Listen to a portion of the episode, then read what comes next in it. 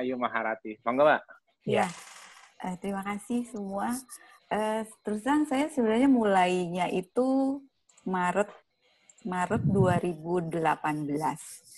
Maret 2018 karena dikasih tahu sejawat saya uh, dokter ortopedi, dokter Igin. Ya, dokter Igin ngasih tahu terus saya baca sebulan gitu. Baca dari semua saya ambil yang di grup itu dimasukin Mbak Moni gitu. Terus baca sebulan karena iya masuknya menakutkan banget gitu ya Mas ya, menakutkan banget bagi saya gitu. Yang secara semua tahu bahwa kalau lemak ya, kalau kolesterol tinggi ya mesti bahaya gitu. Uh, saya berangkat dari gangguan macam-macam. Saya ada jantung, hipertensi, kemudian awalnya saya fatty liver ya, fatty liver, kemudian difonisnya itu ada obesitas juga dulu mbak. Uh, sudah keliling tuh, sudah keliling terus fonisnya gini, prognosisnya gimana Prof?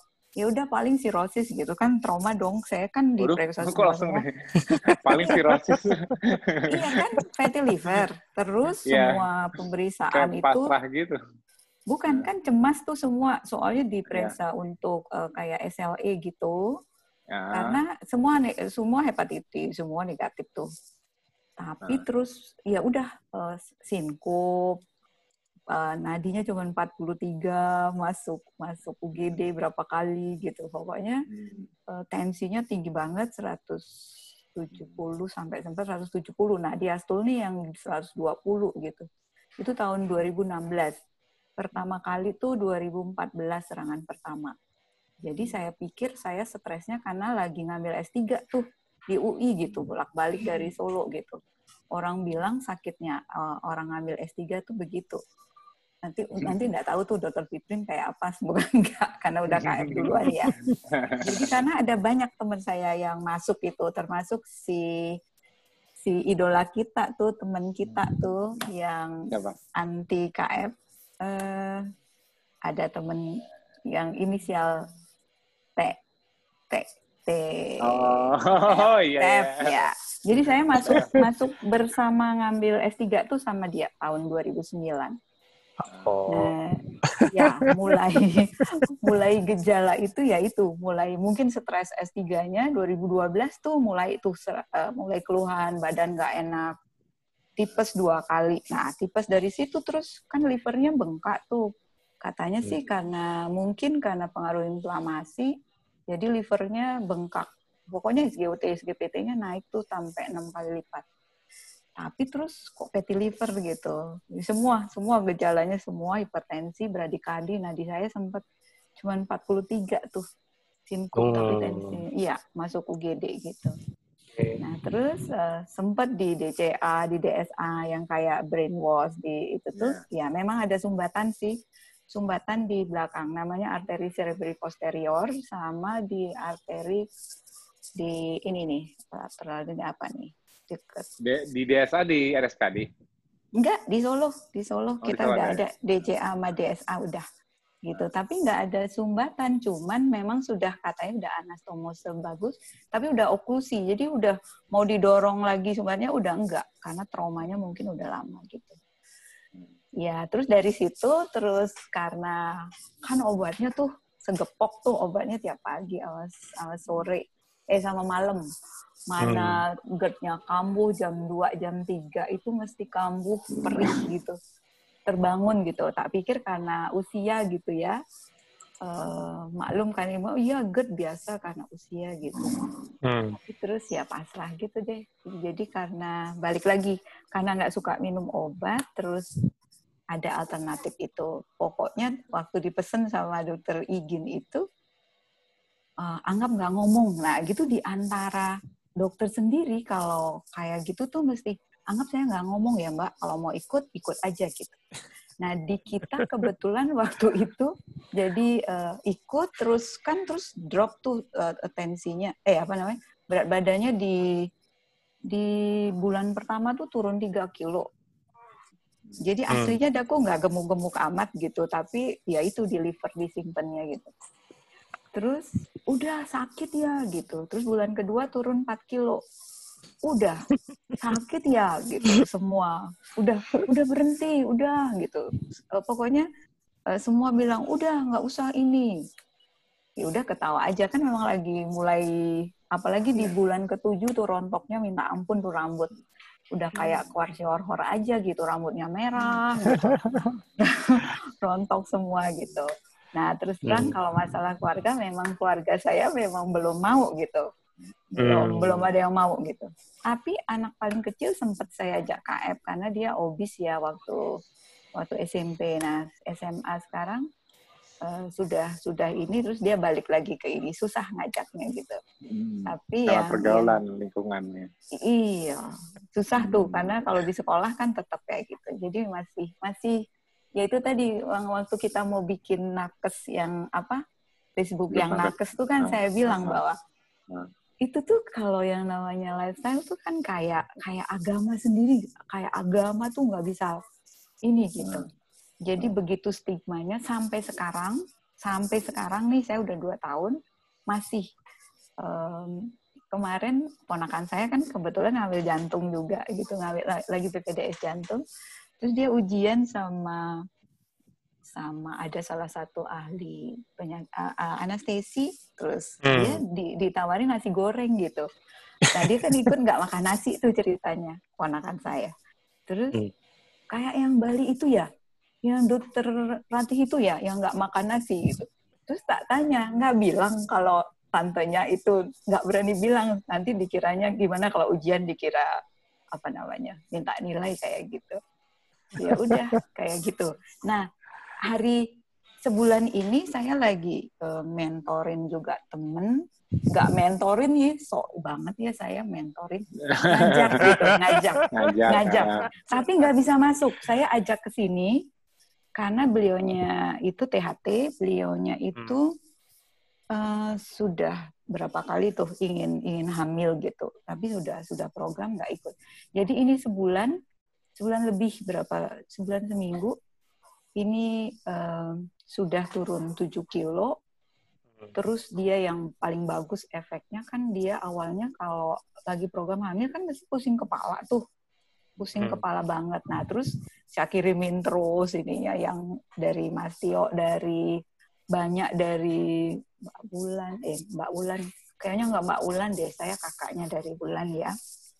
Terus uh, yang suka nulis terima kasih, terus Mbak Eva, Mbak itu saya terus terang saya bikin grup KFLS sendiri. Jadi isinya itu uh, saya kan kebetulan guru ya, murid saya itu calon-calon psikiater, calon dokter psikiatri itu saya masukin semua. Ya, ya, dulu awalnya WA, terus banyak kok bebannya banyak, saya pindahin ke ke Telegram. Telegram. Jadi hmm. anggotanya sekarang ya kan residennya hampir 90, tapi yang yang kira-kira ya itu tadi saya rada-rada guru jahat gitu. Begitu lingkar pinggangnya mereka atau perutnya gede, saya bilang awas kalau kalau nggak bisa ngecilin perut gitu.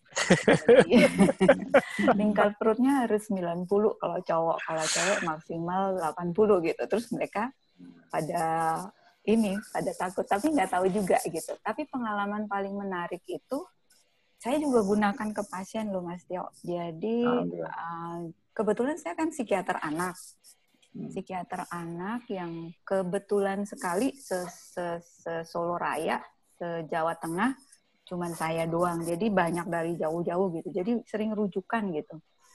Nah, itu digunakan untuk kasus-kasus ya, kasus-kasus spektrum autis itu udah spektrum hmm. autis yang nggak terlalu muncul kan yang udah dewasa ini yang kecil yang usianya tiga tahun Eh, dua tahun. Terus ada yang juga karena, nah yang membahayakan sekarang itu kan pemberian gadget di usia dini.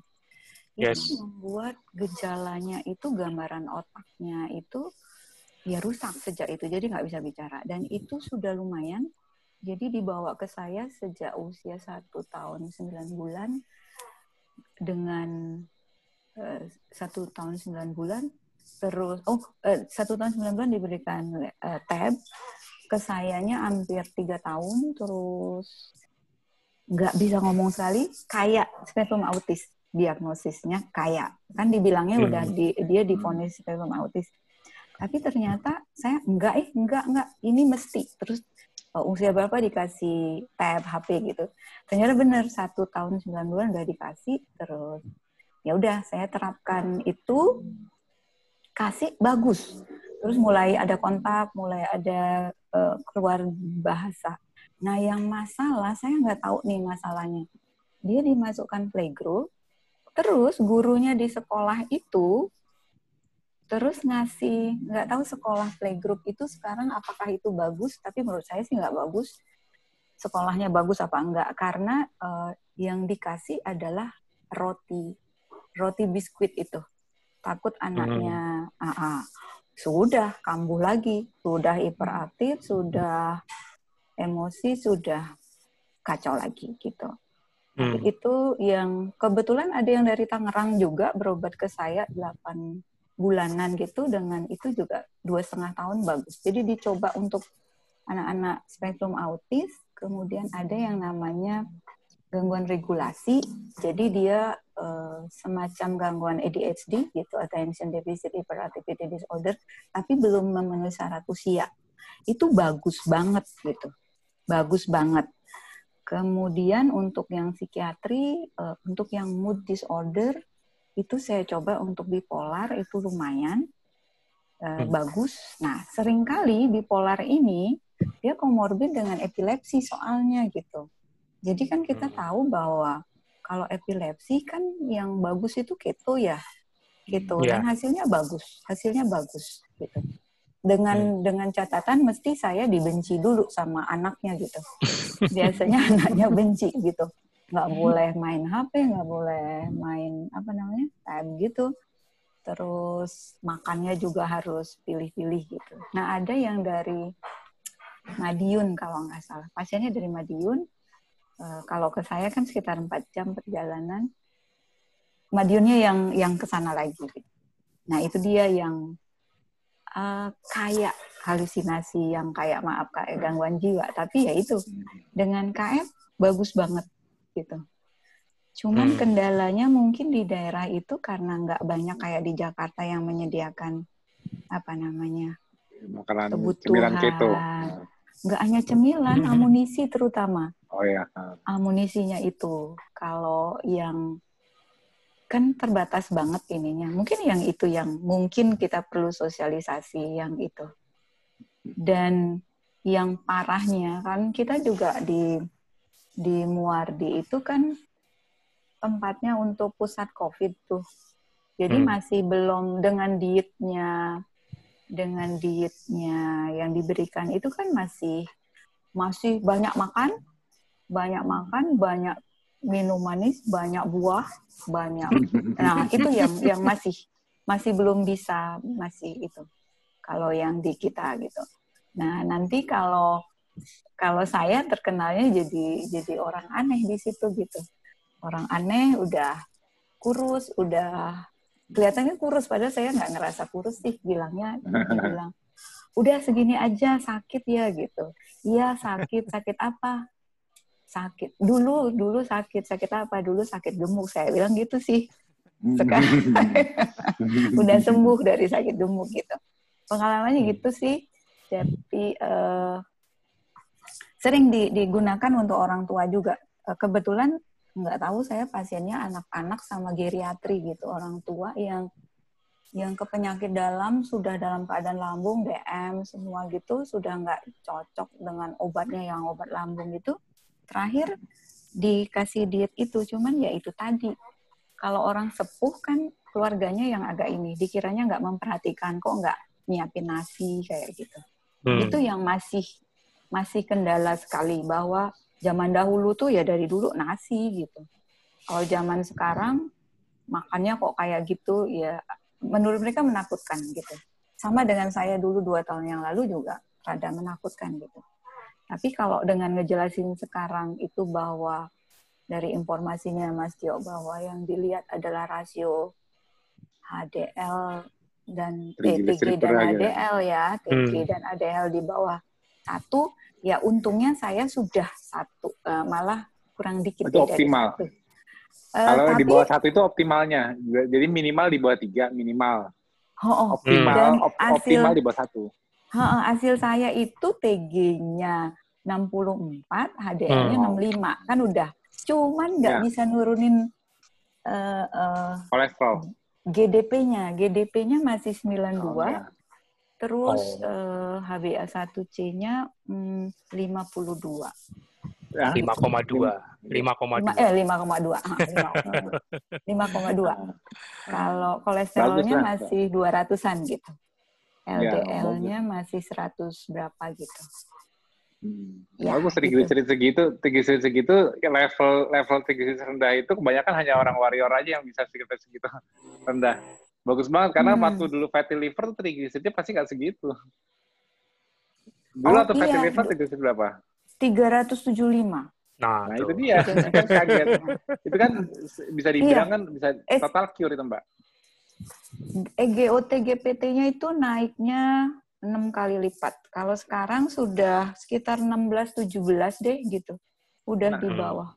Nah, aku penasaran lagi. waktu waktu waktu sejak kan pertama kan awalnya fatty liver. Begitu fatty liver, hmm. begitu KF ada berapa bulan gitu langsung ngecek lagi nggak perubahannya? Iya kan tiap tiga bulan udah gue ngecek rutin. Tiap nah, bulan. begitu mulai KF itu setelah ngecek apa udah berapa bulan sebelumnya? Sebelum uh, KF? Turunnya yang oh masih masih tinggi tiga bulan pertama masih tinggi kan dari dari apa namanya HbA1c-nya 5,8 pertama kali. Hmm. HbA1c-nya 5,8 terus GDP-nya masih sekitar 100 102 apa 101 saya lupa ya. Hmm. Terus uh, SGOT SGPT-nya peningkatannya masih tiga kali lipat dan hmm. empat hmm. kali lipat tiga banding empat. Nah itu mulai tiga bulan turun jadi 5,4 uh, HbA1c. Tapi ya? TG-nya masih, uh, masih. TG-nya masih tinggi, TG-nya masih tinggi. Masih, masih minum jarang. itu yang masih minum 8 obat itu. Hmm. Terus hmm. mulai mulai sampai rendah rendahnya kapan? Pas bulan berapa? Rendahnya total itu itu enam bulan terakhir ini.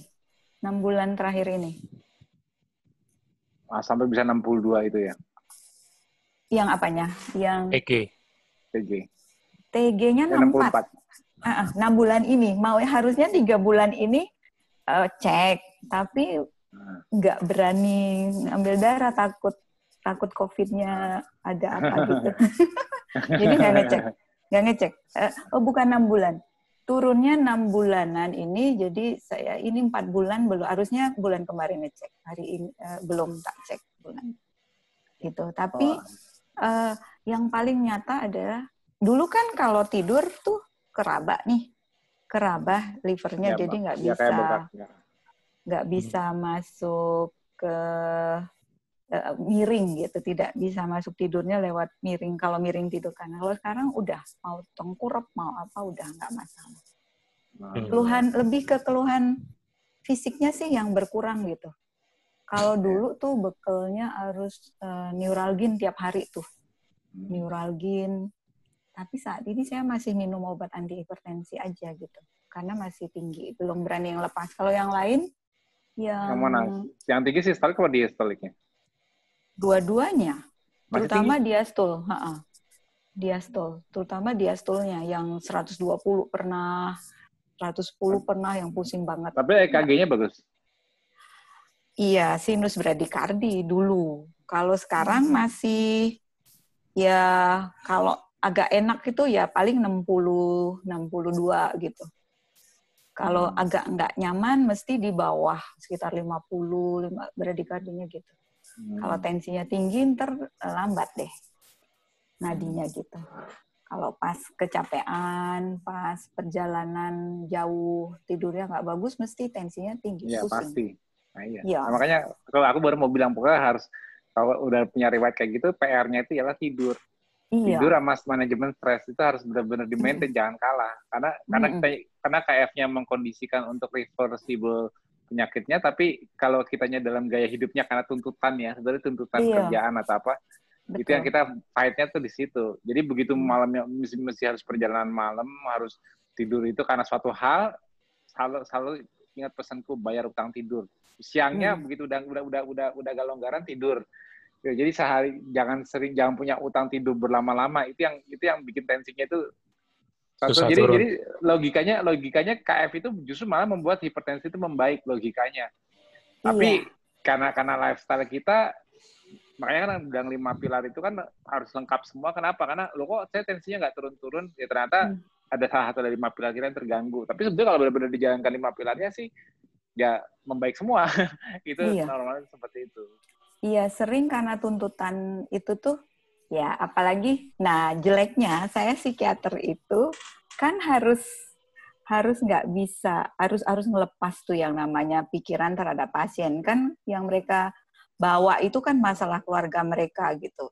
Nah jeleknya saya kadang nggak bisa uh, bener-bener ngelepas. Kadang-kadang muncul, ih ini si ibu nih gini nih pantesan anaknya jadi gini muncul tuh perasaan gitu atau kebawa perasaan nih baper. oh, oh anak bandel banget nih terus kebawa deh gitu jadi bikin nggak nyaman juga gitu bikin nggak nyaman banget gitu Iya sih, karena kan orang menitipkan stresnya dari mereka iya, juga. iya, betul, betul. Nangani gitu, belum stresnya, belum. Hmm. Apalagi, nah ini yang tren baru nih zaman sekarang ini dengan dengan uh, gadget kan ada gangguan jiwa yang baru masuk di DSL-5 ICD itu dengan yang kecanduan itu. Dan ternyata itu menjadi seharusnya PR kita juga itu. Karena itu dipicu, nanti akan memicu pola makan, dan sentamen suicide, jadi bunuh diri hmm. semakin. Saya baru juga baru ngerawat, baru pulang seminggu yang lalu. Itu dengan memang ada basic gangguan ini, tapi ya itu tadi di, dipicu oleh uh, putus-putus main main gadget ini, terus udah ancamannya bunuh diri gitu. Uduh. Jadi banyak. Oh, dua kali opname karena ancaman bunuh diri. Jadi yang kita rawat sekarang itu bukan lagi yang ADHD, bukan apa. Itu bunuh dirinya banyak sekarang. Dan hati-hati hmm. mungkin um, para orang tua sering kita enggak enggak enggak menghiraukan itu. Jadi uh, trennya sekarang itu mohon maaf Bu dengan tidak meng, meng, uh, hanya paling tidak kita paling tidak kita care terhadap anak-anak kita remaja dimulai kalau gangguan mood sering mereka self-harm, cutting. Hmm. Itu tandanya. Nah, sering ketutupan pada orang-orang, uh, uh, pada anak remaja yang maaf, yang pakai ketutupan ini gitu. Okay. Apa namanya? Uh, baju panjangnya itu gitu. Hmm. Jadi uh, saya ada tiga orang yang saling berteman. Jadi uh, ini nunjukin ke saya. Jadi bertiga itu ya berteman sama-sama mengalami gangguan yang sama. Terus ya itu tadi uh, bahayanya gitu. Orang tua sering nggak tahu ya? bahwa bahwa mengancamnya benar. Terus ada yang benar-benar terbunuh diri gitu karena masalah kecil. Jadi yang yang yang riskan sekarang ini tidak kayak yang dulu yang masalahnya berat itu hmm. baru bunuh diri enggak. Sekarang itu dengan dengan bully di lewat sosial media yang kayak gitu tuh kita akan mendapatkan banyak sekali kasus-kasus bunuh diri dan itu secara secara gangguan kan itu moodnya yang nggak stabil dan salah penanganan misalnya oh ya depresi tuh minum coklat manis gitu kan sering kan untuk memperbaiki mood gitu. Padahal itu itu nggak banget gitu. Jadi itu memicu bikin kayak tadi kan Mas Tio bilang um, manajemen stres ya. Kalau stres bagi kita di di psikiatri itu nggak hanya stres psikologis, tapi juga stres fisik, stres eh, makanan gitu yang mempengaruhi hmm. di otaknya itu kita hmm. stres kimia, stres apanya kita ngeliat juga dari situ. Iya, sering kali hmm. tuh eh, apalagi yang boba-boba sekarang tuh ngeri ngeri banget tuh udah gulanya nggak jelas berapa ini terus Iya kan. Itu Mas, yang minuman ada item-itemnya itu loh Mas. Eh, boba Oh iya. iya. iya yang bulat Mas, yang kalau hmm. hitungannya uh, Mbak I, Mbak Iin ya itu uh, tinggi banget ya katanya bahan uh, ininya dari betul betul dari pati apa gitu. Ya, dari tepungnya itu yang dipakai. Tepung, aku kalau hmm. kalau di mall di mall aku yang kayak gitu nggak ngelirik sih, aku cuekin aja. Keep walking. Jadi gak nggak kalau ada boba. iya, dulu aku gitu suka banget itu, apalagi yang mana namanya? Yang dulu apa sih ci? Ca, ca time gitu. Ntar uh, iya, ntar ekstra ya ekstra sugar gitu. Wah jangan dulu tuh gitu. Gara gitu. Terus kalau lagi ini dulu sekilo salak kan salak di salaknya Jogja kan enak banget tuh bisa habis sekilo. Mungkin dari situ gitu. Dan mungkin perlu penekanan usulku ya Mas ya. Itu mungkin sosialisasinya yang itu jadi itu makanan sehat loh gitu buah kan sehat buah itu sehat. Jadi uh, terutama untuk yang COVID-COVID itu mesti dikasih buah manis. Karena dipikir uh, dari sisi superfoodnya, karena kan banyak orang kan mengkonsepkan makanan itu ada yang superfood karena kandungannya apa tinggi ini tinggi, jadi dia lupa hmm. bahwa basic digestionnya ialah sugarnya masuk. Hmm. Hmm. Nah, itu tadi kebanyakan kan nggak bahaya kan sehat gitu. Iya, jadi karena konsepnya itu, jadi aku sering cerita iya. itu bahwa konsepnya bahwa karena ini ap, makanya aku paling nggak suka konsep superfood kenapa? Karena apa? Begitu suatu makanan dianggap superfood, orang yang mendengar atau melihat superfood itu berarti dia, dia langsung terkonsep bahwa semakin banyak dimakan saya makin sehat. Itu, hmm. masalah. Hmm. Hmm. Makanya kan aku nggak bilang makanan di KF superfood mau ikan, telur, ayam, daging itu memberikan esensial nutrien yang dibutuhkan. Yang dibutuhkan tidak dibutuhkan berlebihan. Makanya kita kan membatasinya kan dalam jendela makan. Nah, hmm. walaupun protein protein dan lemak yang esensial ada semua di sumber hewani itu esensial dan penting bagi pembangunan tubuh kita karena 9 9 apa esensial amino asid dan dua fatty acid itu tubuh kita tidak bisa sendiri sendiri bukan berarti keesensialan itu mem mem membuat seseorang berpikir bahwa oh aku harus makan ikan, telur, ayam sebanyak-banyaknya supaya aku makin sehat. Enggak, aku justru malah nggak mengkonsepkan seperti itu. Cuman konsep yang aku lihat di masyarakat sekarang ialah mereka hunting makanan-makanan sehat sehingga makanan sehat yang sudah di label nama makanan sehat itu menjadi suatu apa ya kalau aku mau lebih sehat aku makan lebih banyak misalnya ini mereka lihat wah katanya e, nanas mengandung bromelain misalnya apa yang punya kandungan apa yang yang punya yang baru diteliti ternyata bromelain antivirus misalnya antivirus. Ini contoh. Pasti langsung begitu ada ada ada ada hoax bromelain ternyata bisa sebagai virus. Langsung makan nanas sebanyak banyaknya udah lupa kan dengan sugarnya berapa apa apa karena kan manusia sekarang kan e, masyarakat modern sekarang kan di konsepnya kan seperti itu. Di konsepnya bahwa apa yang menjadi e, tren sehat ini, ini ini sorry loh ini ini ini bahkan menyebar juga ke konsep ke e, banyak juga nutrisionis ahli gizi maupun nakes pun masih berpikir bahwa superfood itu terletak di sayur dan buah. Karena berdasarkan penelitian mereka terlihat kandungan vitaminnya lah apa mereka udah itu jadi jadi dibikin overnya di situ dibikin over sayur dan buah tapi tanpa klasifikasi makronutrisinya karena yang benar-benar tersetapkan makronya juga kan gak hanya mikronya aja hmm. walaupun jadi uh, nutrien density dari suatu makanan nutrien density dari suatu makanan contohnya di sayur dan buah perbanding yang mereka uh, yang mereka angkat itu di mikronutriennya. Hmm. Mikronutrien, padahal kita kan tahu konsep basic fisiologi namanya dibilang mikro berarti kan sedikit. Mikro itu kan kebutuhan tubuh kita yang sedikit. Apa yang terjadi saat tubuh kita dimasukkan mikro yang jumlahnya jadi makro karena tidak sedikit lagi karena dia makannya berlebih. Apakah mikronya itu disimpan? Kan enggak. Itu jadi konsep basic fisiologi seperti itu membuat orang berpikir bahwa suatu makanan yang memiliki kandungan mikro yang dianggap superfood, sehat dengan tinggi, dimakan berlebih, tapi lupa bahwa konsep basic fisiologi manusia ialah manusia tidak bisa menyimpan mikronutrisi dalam jumlah besar, makanya dibutuhkannya hanya sedikit, karena itu hanya mikronutrien. Nah itu yang itu yang kadang-kadang eh, banyak salah kaprah. Kita makan berlebihan, lupa sama sugarnya yang makro, yang di mana hmm. sugarnya itu justru malah karbohidrat itu malah nggak esensial, tapi akhirnya malah malah eksesnya harus disimpan sebagai hmm. cadangan, contohnya otomatis kita menggemuk. Terus kita juga lupa konsep bahwa fruktosa yang banyak di buah-buahan, walaupun jumlahnya tidak sebanyak high fructose corn syrup misalnya yang proses hmm. food, hmm.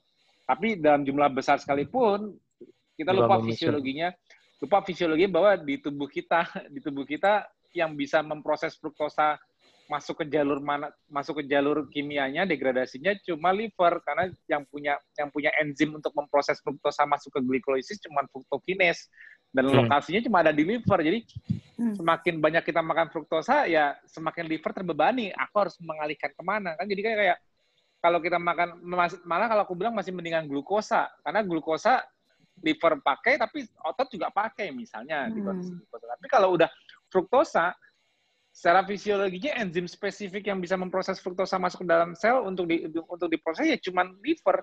Berarti hmm. semakin banyak fruktosa yang harusnya masuk ke dalam tubuh kita, ya semuanya menuju ke arah liver seperti seperti rudal yang semuanya targetin liver, semuanya otot otot fruktosa lewat di darah ya bodo amat ya. Ya saya kan nggak bisa punya enzimnya.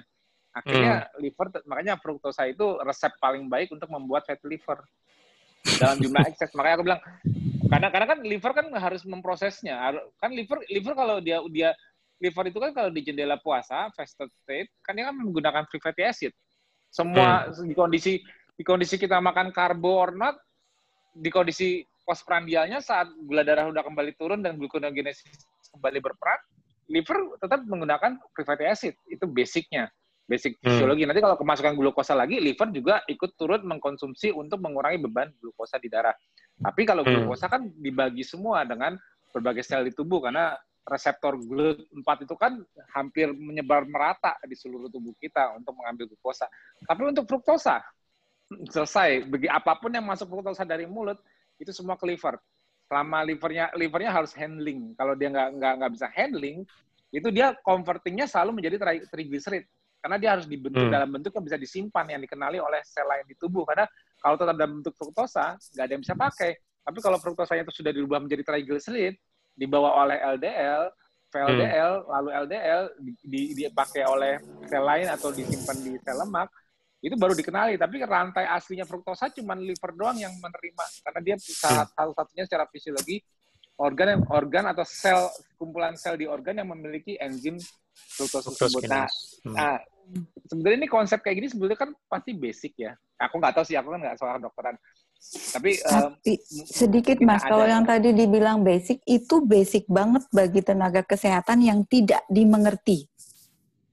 Jadi hmm. kami dokter bahwa bahwa yang tadi bahwa yang langsung akan merusak itu menurut mereka ya hilang begitu saja kan sehat gitu kan nah, tidak iya, mengalami iya. proses. Nah itu yang basic itu banget yang, yang membuat uh, aku dianggap agak-agak sedikit aneh gitu. Kok nggak makan buah, kok cuma makan alpukat, cuma gitu, dibilang ya, aneh gitu.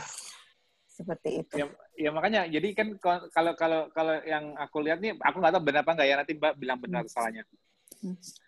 Konsepnya itu lebih ke arah nama makanan. Hmm. Jadi jadi kalau aku lihat sekarang itu uh, kondisi gizi, saran gizi itu semuanya uh, lebih ke konsep pengelompokan nama makanan entah itu dari di tenaga kesehatannya atau di gizi kliniknya nama makanan yang dianggap superfood yang diutamakan hmm. nah yang yang yang yang oh ini yang kandungannya protein perlu tapi kalau yang tinggi lemak digeser misalnya dimulai dibuang jadi jadi dia dia nggak nggak nggak nggak benar-benar apa melihat secara fisiologi apa yang terjadi di digestionnya berapa banyak kebutuhannya hmm. itu yang kadang-kadang yang kadang-kadang konseptualnya itu lebih lebih memang, memang jujur sih lebih mudah lebih mudah karena karena baik konsep ialah sayur dan buah itu yang yang apa namanya superfood lah karena tingginya mikronutrien. Pasti kalau dibilang superfood karena mikronutriennya. Nggak ada yang bilang superfood karena tinggi protein. Nggak ada yang bilang superfood karena tinggi tinggi lemak. Pasti kalau hmm. kalau kalau seseorang bilang superfood dia makanan sehat pasti karena tinggi mikronutrisi. Tapi yeah. lupa basic konsepnya mikro. Nah, udah dibilang kan kenapa ini sehat? Karena tinggi mikronutrisi, tinggi vitamin, tinggi mineral. Oke, okay Hmm. Berapa kebutuhan vitamin dan mineral di tubuh manusia? Mikro, sedikit, miligram. nah, lucu gak? Ini kan ini kan suatu basic konsep yang Benar. sangat lucu. Aku bilang lucu gak? Iya. Iya, uh, cuman gini mas, yang, yang mereka mereka asosiasikan dengan itu adalah seratnya itu loh, makan buah sehat karena banyak serat gitu. Seratnya Jadi mereka yang negatifnya nggak lihat bahwa kandungan fruktosa itu mengganggu gitu. Karena banyak penelitian, misalnya penelitian S3 tuh ada yang mengaitkan tidak makan buah, tidak makan tempe, tidak makan tahu, ber, berrelasi dengan CA kolon kayak gitu. Jadi ada hasil tuh hasil untuk S3. Pasti, pasti, iya. Mbak. itu pasti. Iya. Enggak, enggak, itu, itu itu hasilnya pasti kalau aku jamin. Kalau hmm. kalau aku di kondisi di kondisi sama-sama makan nasi, yang lebih hmm. baik itu justru malah yang tinggi sayuran, tinggi serat. Hmm. Karena mengurangi mengurangi glycemic load dari dari karbohidratnya itu sendiri. Hmm. Jadi kalau kalau makan tempe, tahu, sayur, otomatis itu kan otomatis itu kan akan menurunkan intensitas dari jumlah lemak yang masuk dari makanan yang benar-benar dibanding ini. Hmm. Contoh gini, Mbak, bikin konseptual kayak Lancet. Ini piring, ini, ini piringku, ini piring Mbak. Aku setiap hari makannya nasi ya nasi tangkap ada sayurnya lalapan ada tempe tahu paling ikan goreng satu ayam goreng satu jadi aku nggak banyak makan ikan telur ayam goreng nggak banyak yang dominan cuma tahu tempe sama apa lalapan. namanya sama lalapan, nah lalapan. sayur apa pun itu nah kayak nasi nah kalau mbak mbak jarang makan sayur mbak isinya nasi tapi ada ikan goreng pakai hmm. rendang pakai ayam, nggak mau tahu tempe, makannya yang leker-leker deh. Kalau dibilang kan kalau hmm. makan rendang, hmm. ayam goreng, telur dadar, apa itu kan nasi, ayam goreng, telur dadar pakai rendang, udah udah komplit kan, leker nggak? Leker. Nah, hmm. Eh, pandangan seperti itu kalau dilihat secara konseptual, mana yang membuat eh, kita sakit duluan? Ya jelas yang makanan mbak, aku bilang hmm. jelas lebih sehat. Jadi kalau kita diobservasi dua dua pelaku ini diobservasi dengan pola makan sama, hasil dia studi di S3-nya nggak bakal salah. Karena hmm. dia dia secara fisiologinya masih sama-sama ada nasinya. Iya. Hmm. Beda propertisnya kalau nasinya diangkat. Nah, beda propertisnya kalau nasinya diangkat. Itu jauh banget. Hmm. jadi jadi jadi jadi konsep konsepnya itu aku aku ngelihat itu memang selama ini masih pengelompokan dengan bentuk nama makanan yang beredar dan menjadi uh, uh, apa ya asumsi dasar. Makanya jangan hmm. heran Mbak Mbak pertama kali masuk masuk KF kan juga agak takut karena lihat ih gila nih di grup kok yang makan pada makan bukan agak bukan agak banget banget sampai sempat nggak yakin ya ini bener nggak sih ini dietnya gitu sampai sekarang dianggap alien kok maksudnya kan di sekitar lingkungan mbak tapi kalau mbak iya. sendiri dulu sempat kok mau berubahnya itu kok mau mencoba kenapa dulu Bayu kok bisa mau coba? Ya kan karena nggak nggak pengen satu nggak pengen nggak suka minum obat. Ah, karena udah ada hmm. udah, udah, udah ada keterpaksaan karena udah ada sakit. Iya. Gitu ya? Nah, iya. Motivasi pertama mau mencoba, ah, natin tulus lah gitu, coba. Gitu, kan. iya. Gitu. Kedua Jadi, memang memang aslinya daku nggak terlalu tergantung sama nasi.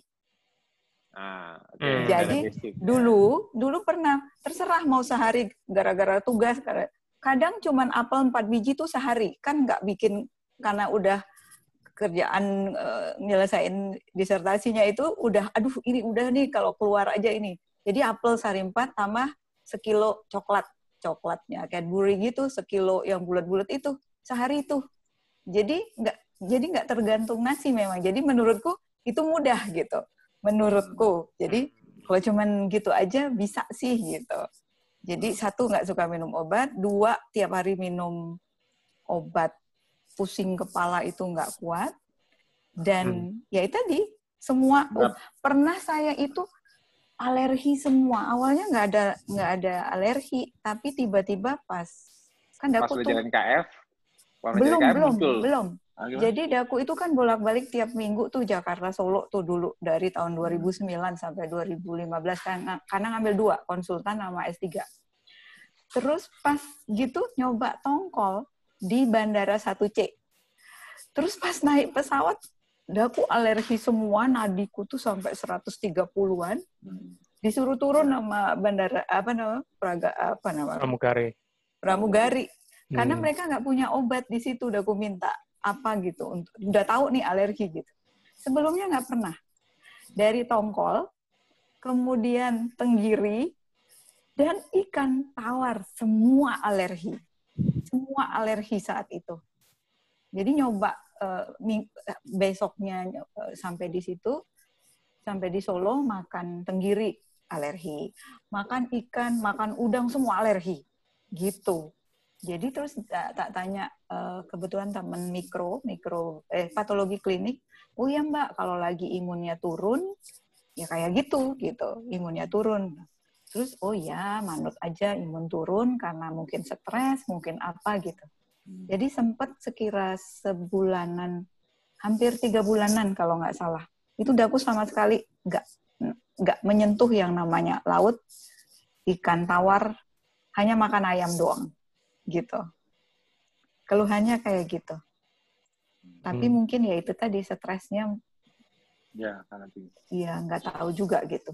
Ya memang itu pengaruh ke imun ya nggak salah. Ya, memang memang hmm. memang keletihan, stres berlebih, apalagi jalur detox nggak lancar, misalnya baby hmm. nggak lancar tapi nggak sadar, itu yang membuat ya. imunnya jadi overreaktif. Turun banget itu. ya. Mm-hmm. Ya, maksudnya mas kalau yang dibilang kalau yang dibilang imun drop itu bukan dalam kata dalam kata kalau orang sebelah oh imunnya lagi turun sebetulnya secara kuantitasnya imunnya nggak turun yang tur yang turun itu rasionya maksudnya adaptif respon jadi ini kalau mau kita ngomong imunologi imun itu kalau kalau kalau saat mbak alergi itu justru malah yang multiply justru malah innate imunnya yang makrofagnya, dendritiknya, hmm. eosinofil, basofil itu sisi-sisi yeah. alergiknya itu yang malah meningkat tapi sisi pengaturnya untuk calm down-nya itu yang malah menurun dari sisi hmm. uh, subsetnya limfosit. Jadi yeah. kalau dibilang dibilang imunnya lagi drop turun sebetulnya itu suppressionnya itu suppression terhadap sisi adaptifnya yang regulatornya. Tapi kalau hmm. sisi sisi yang overreaktifnya yang yang penyerang acaknya sih justru itu malah jadi penyebabnya. Nah, jadi allergic reaction itu justru jadi as a whole sebetulnya bukan bukan bukan dibilang turun imun tapi uh, kalau aku punya bahasa sendiri turunnya kemampuan regulasi karena stres. Hmm. Itu, itu kalau dari dari sisi dari sisi pandanganku terhadap imunologi. Hmm. Nah, oke. Okay. Terus uh, Mbak kan tadi kan bilang katanya juga kalau dari dari secara teman-teman gitu kan pada bilang ini kok ini makannya makannya uh, aneh kayak gini gini gini. Nah, mereka sendiri ngeliat perubahan Mbak yang sekarang lebih Maksudnya kan mereka tahu nggak kalau Mbak sekarang triglyceridnya udah bagus, terus fatty liver udah hilang, mereka tahu nggak dengan kayak gitu?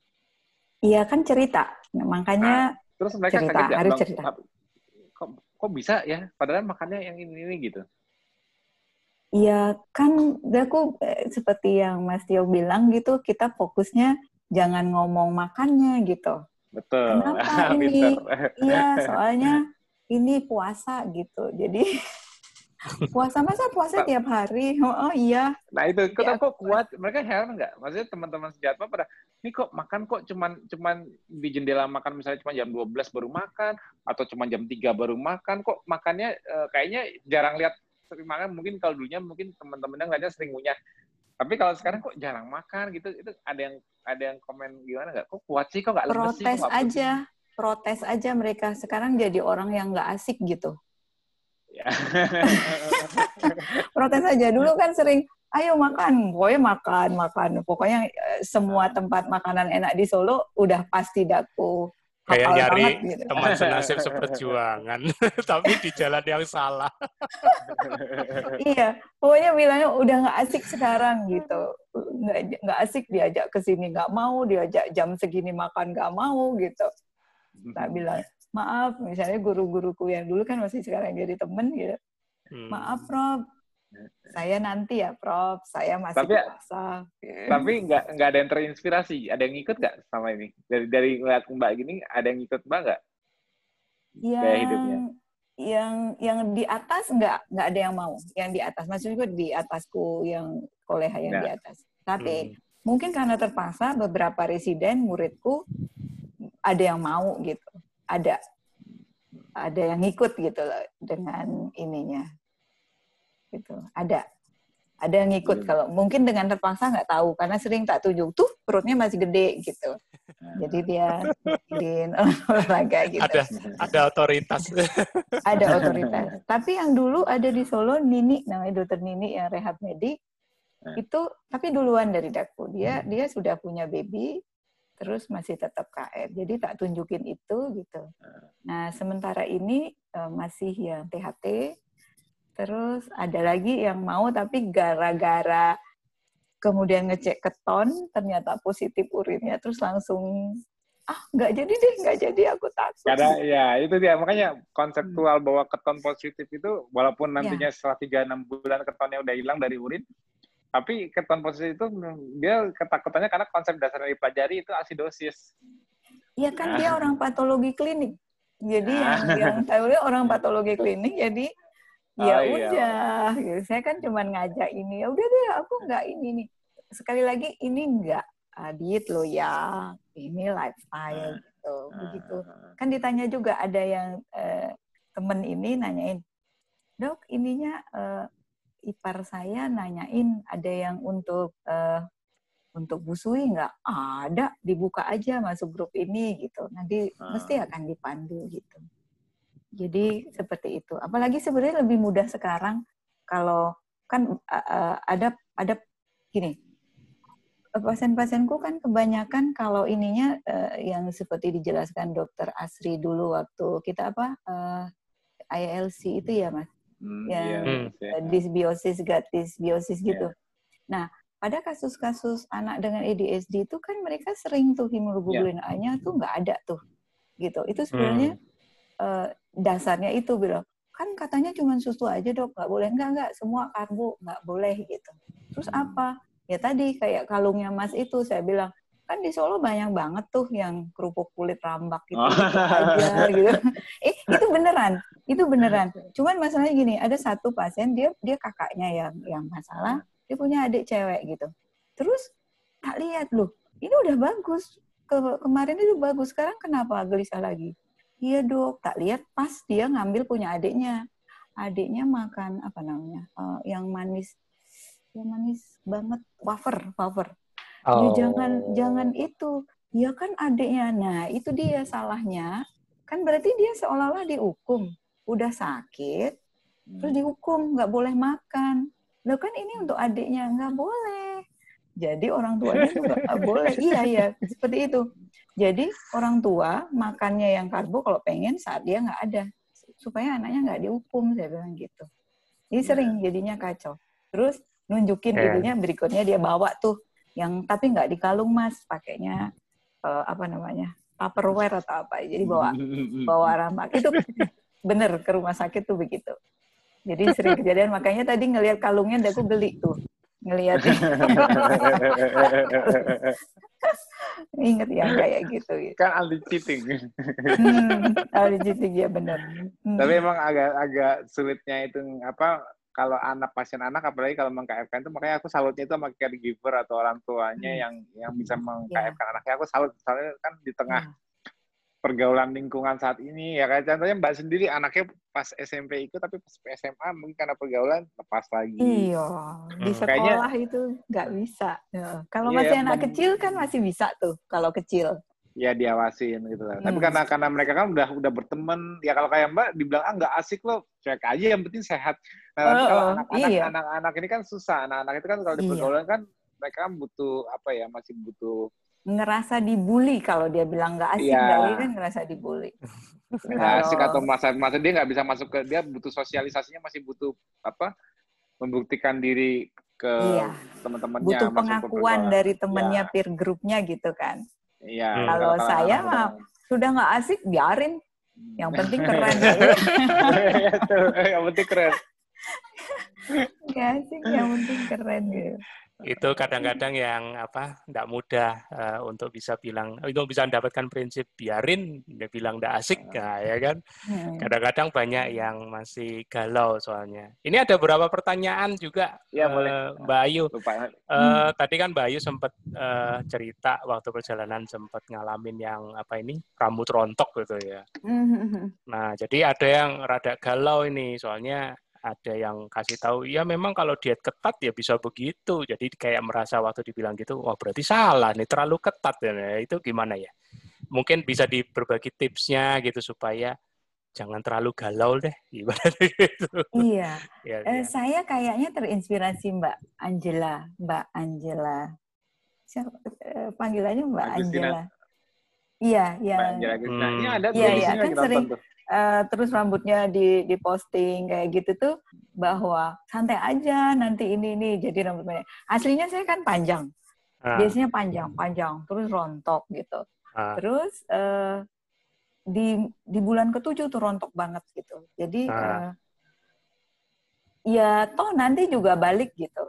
Ya, kalau dulu-dulu kan sering juga kalau pas tipes yang waktu saya cerita waktu sekolah yang dua kali opname tipes juga rontok kok terus balik lagi ngelahirin uh. empat anak tiap melahirkan kan mesti rontoknya gitu uh. jadi nah, bagi cuman, saya sih nah. cuman ya ya uh, berarti ngalamin juga ya cuman yang yang kadang-kadang jadi jadi beban buat teman-teman nih uh, karena mereka juga sudah dikenal menerapkan keto gitu kan. Jadi ini gara-gara kamu nih keto ya kan. Apalagi kalau udah ke lingkungan keluarga sendiri pasangannya jadi makin dibully jadi makin galau gitu. Lah waktu de, apa Mbak Ayu itu ngalamin ngalamin rontok itu uh, tips untuk ngadepin bulian seperti itu bagaimana tekanan dari sosialnya gitu. Kalau rambut rontok nggak ada yang ngebully. Cuman saya pernah sekali gitu. Pernah hmm. sekali lagi ngebimbing kan ada yang mau ujian nasional nih residen hmm. saya nih mau hmm, ujian hmm. nasional. Hmm. Kan saya orangnya kalau ngebimbing terus dianya nggak bisa, yang stres kan saya gitu. Gimana nanti uh. dia kalau oh. ujian nggak bisa jawab gitu. Ah, tiba-tiba nggak tahu, tiba-tiba terus mata saya itu kayak ada kayak ada benda bergerak sampai sekarang. Terus saya periksa ke mana-mana itu sampai itu nggak enak ininya di dada. Terus ke UGD, ECG, uh, uh. Uh, EKG gitu. Terus ya udah diinfus gitu. Ini uh, gulanya cuma 72 kalau nggak salah gitu. Uh, uh, uh. Pasti gara-gara KM gitu. nah, itu. Iya. itu itu.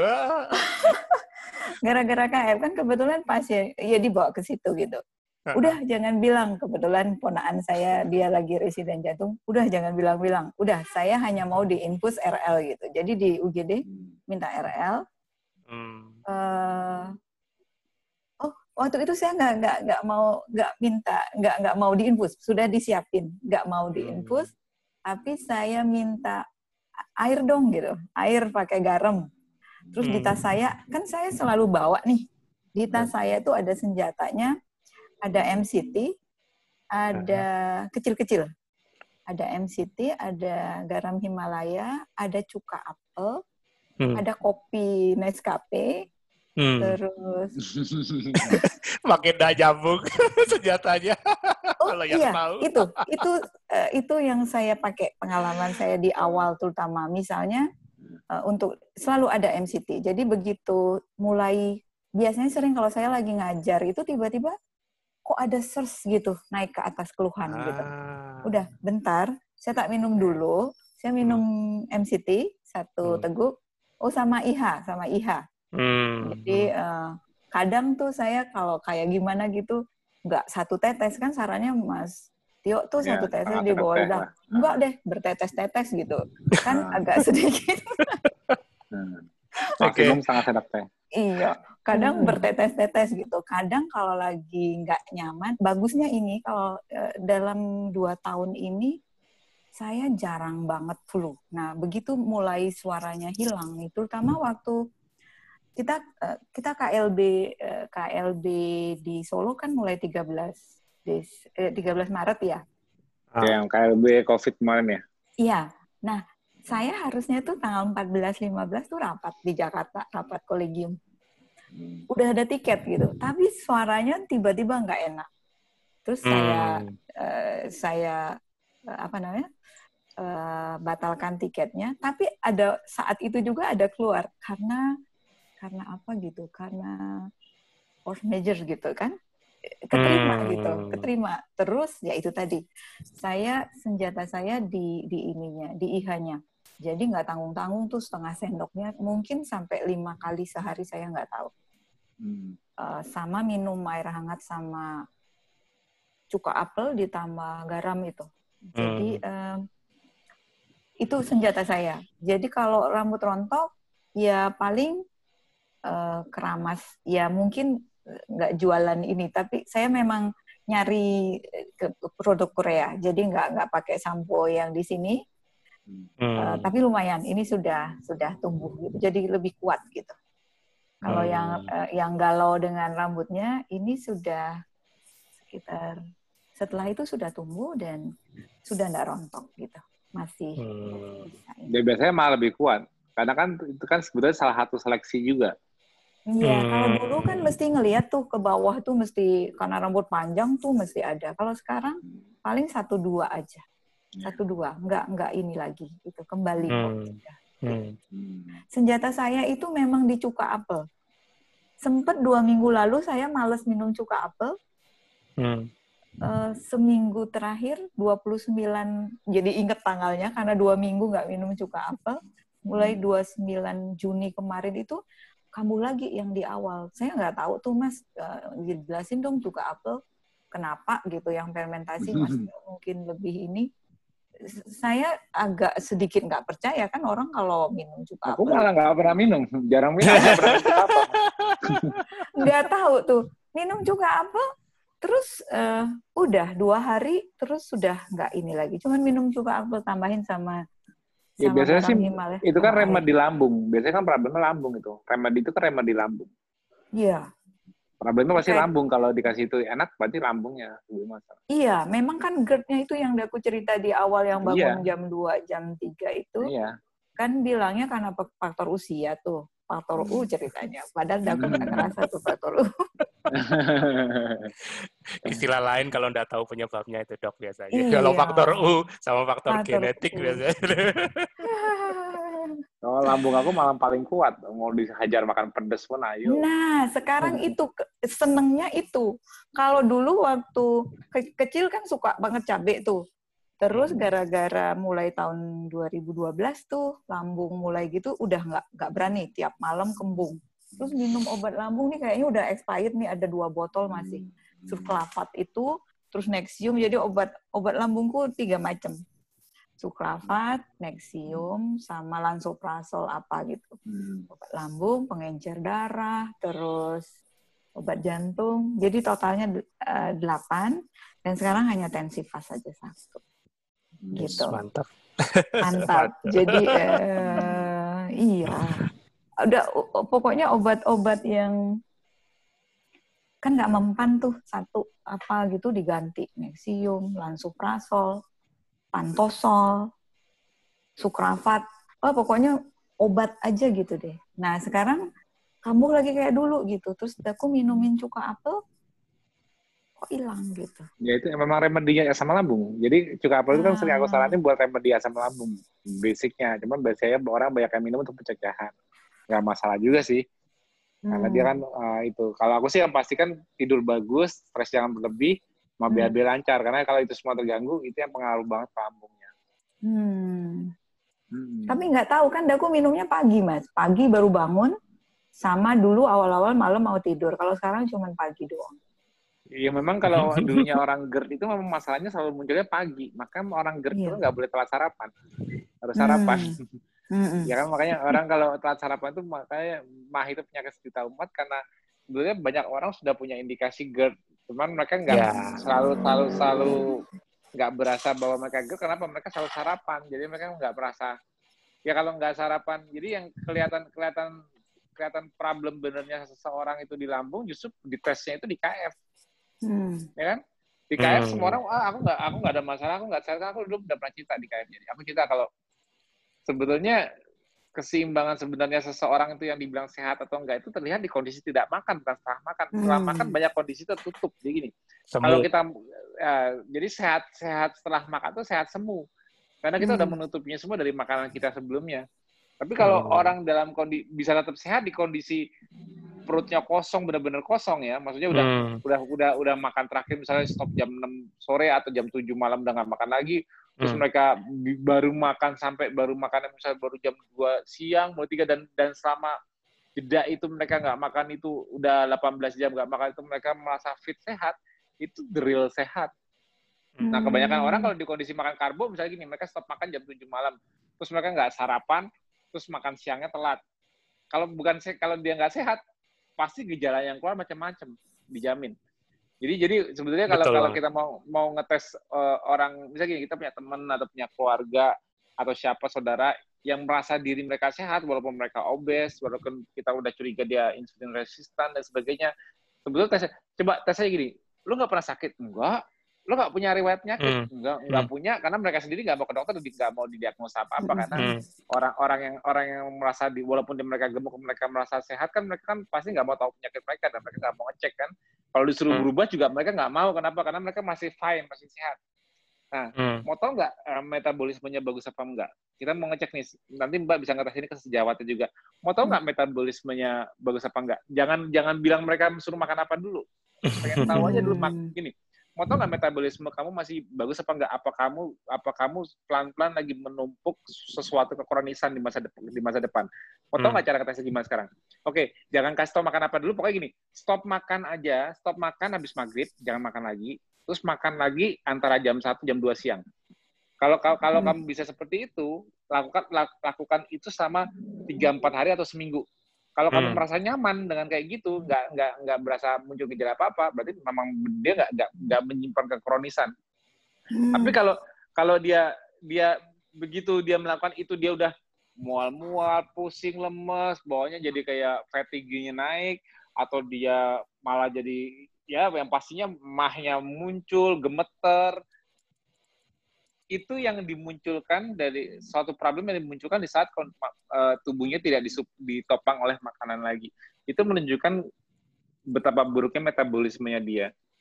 Hmm. Nah, itu, hmm. it, it, kalau begitu kok kalau kemarin katanya sehat-sehat aja. Kata kemarin katanya nggak pernah ada masalah.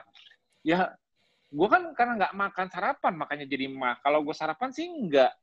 Gue kan karena makan yang nggak telat. Kalau makan telat ya gue begini gejalanya. Itu sebenarnya menunjukkan bahwa metabolisme dia bermasalah tanpa makanan. Itu hmm. itu menunjukkan ketidaksehatan seseorang. Nah di situ hmm. baru mau nggak hmm. mau nggak membuat sehat di kondisi tidak makan.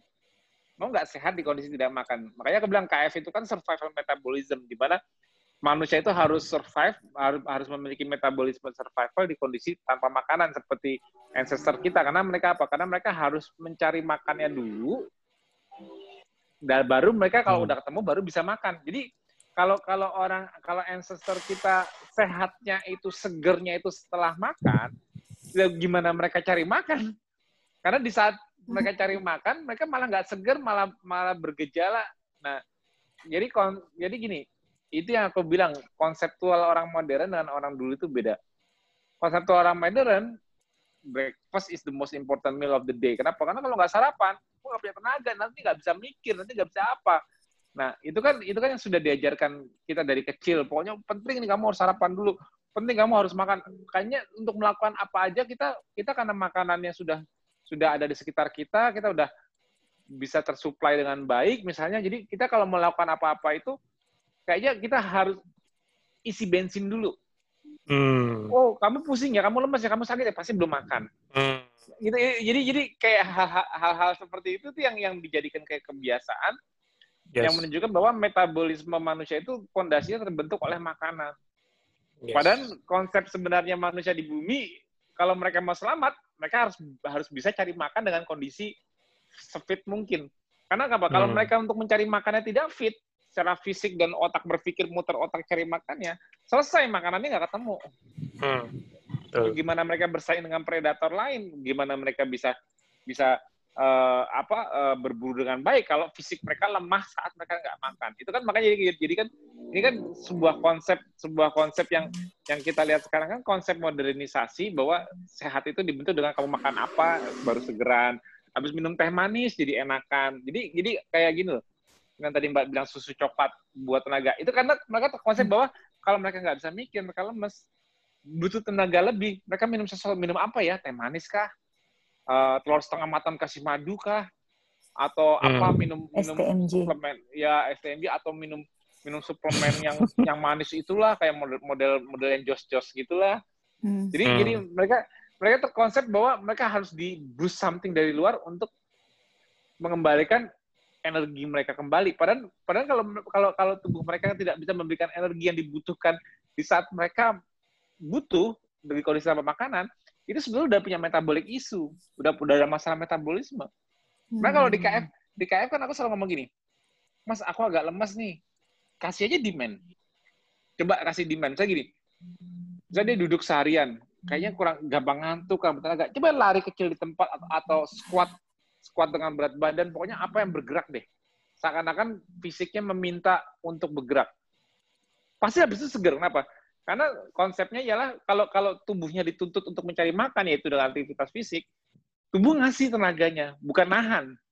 Nah kalau hmm. sekarang konsepnya kalau kita kalau kita belum sarapan, udah disuruh ya, udah suruh banyak kerjaan fisik, naik bolak-balik tangga, udah lemes, semuanya muncul.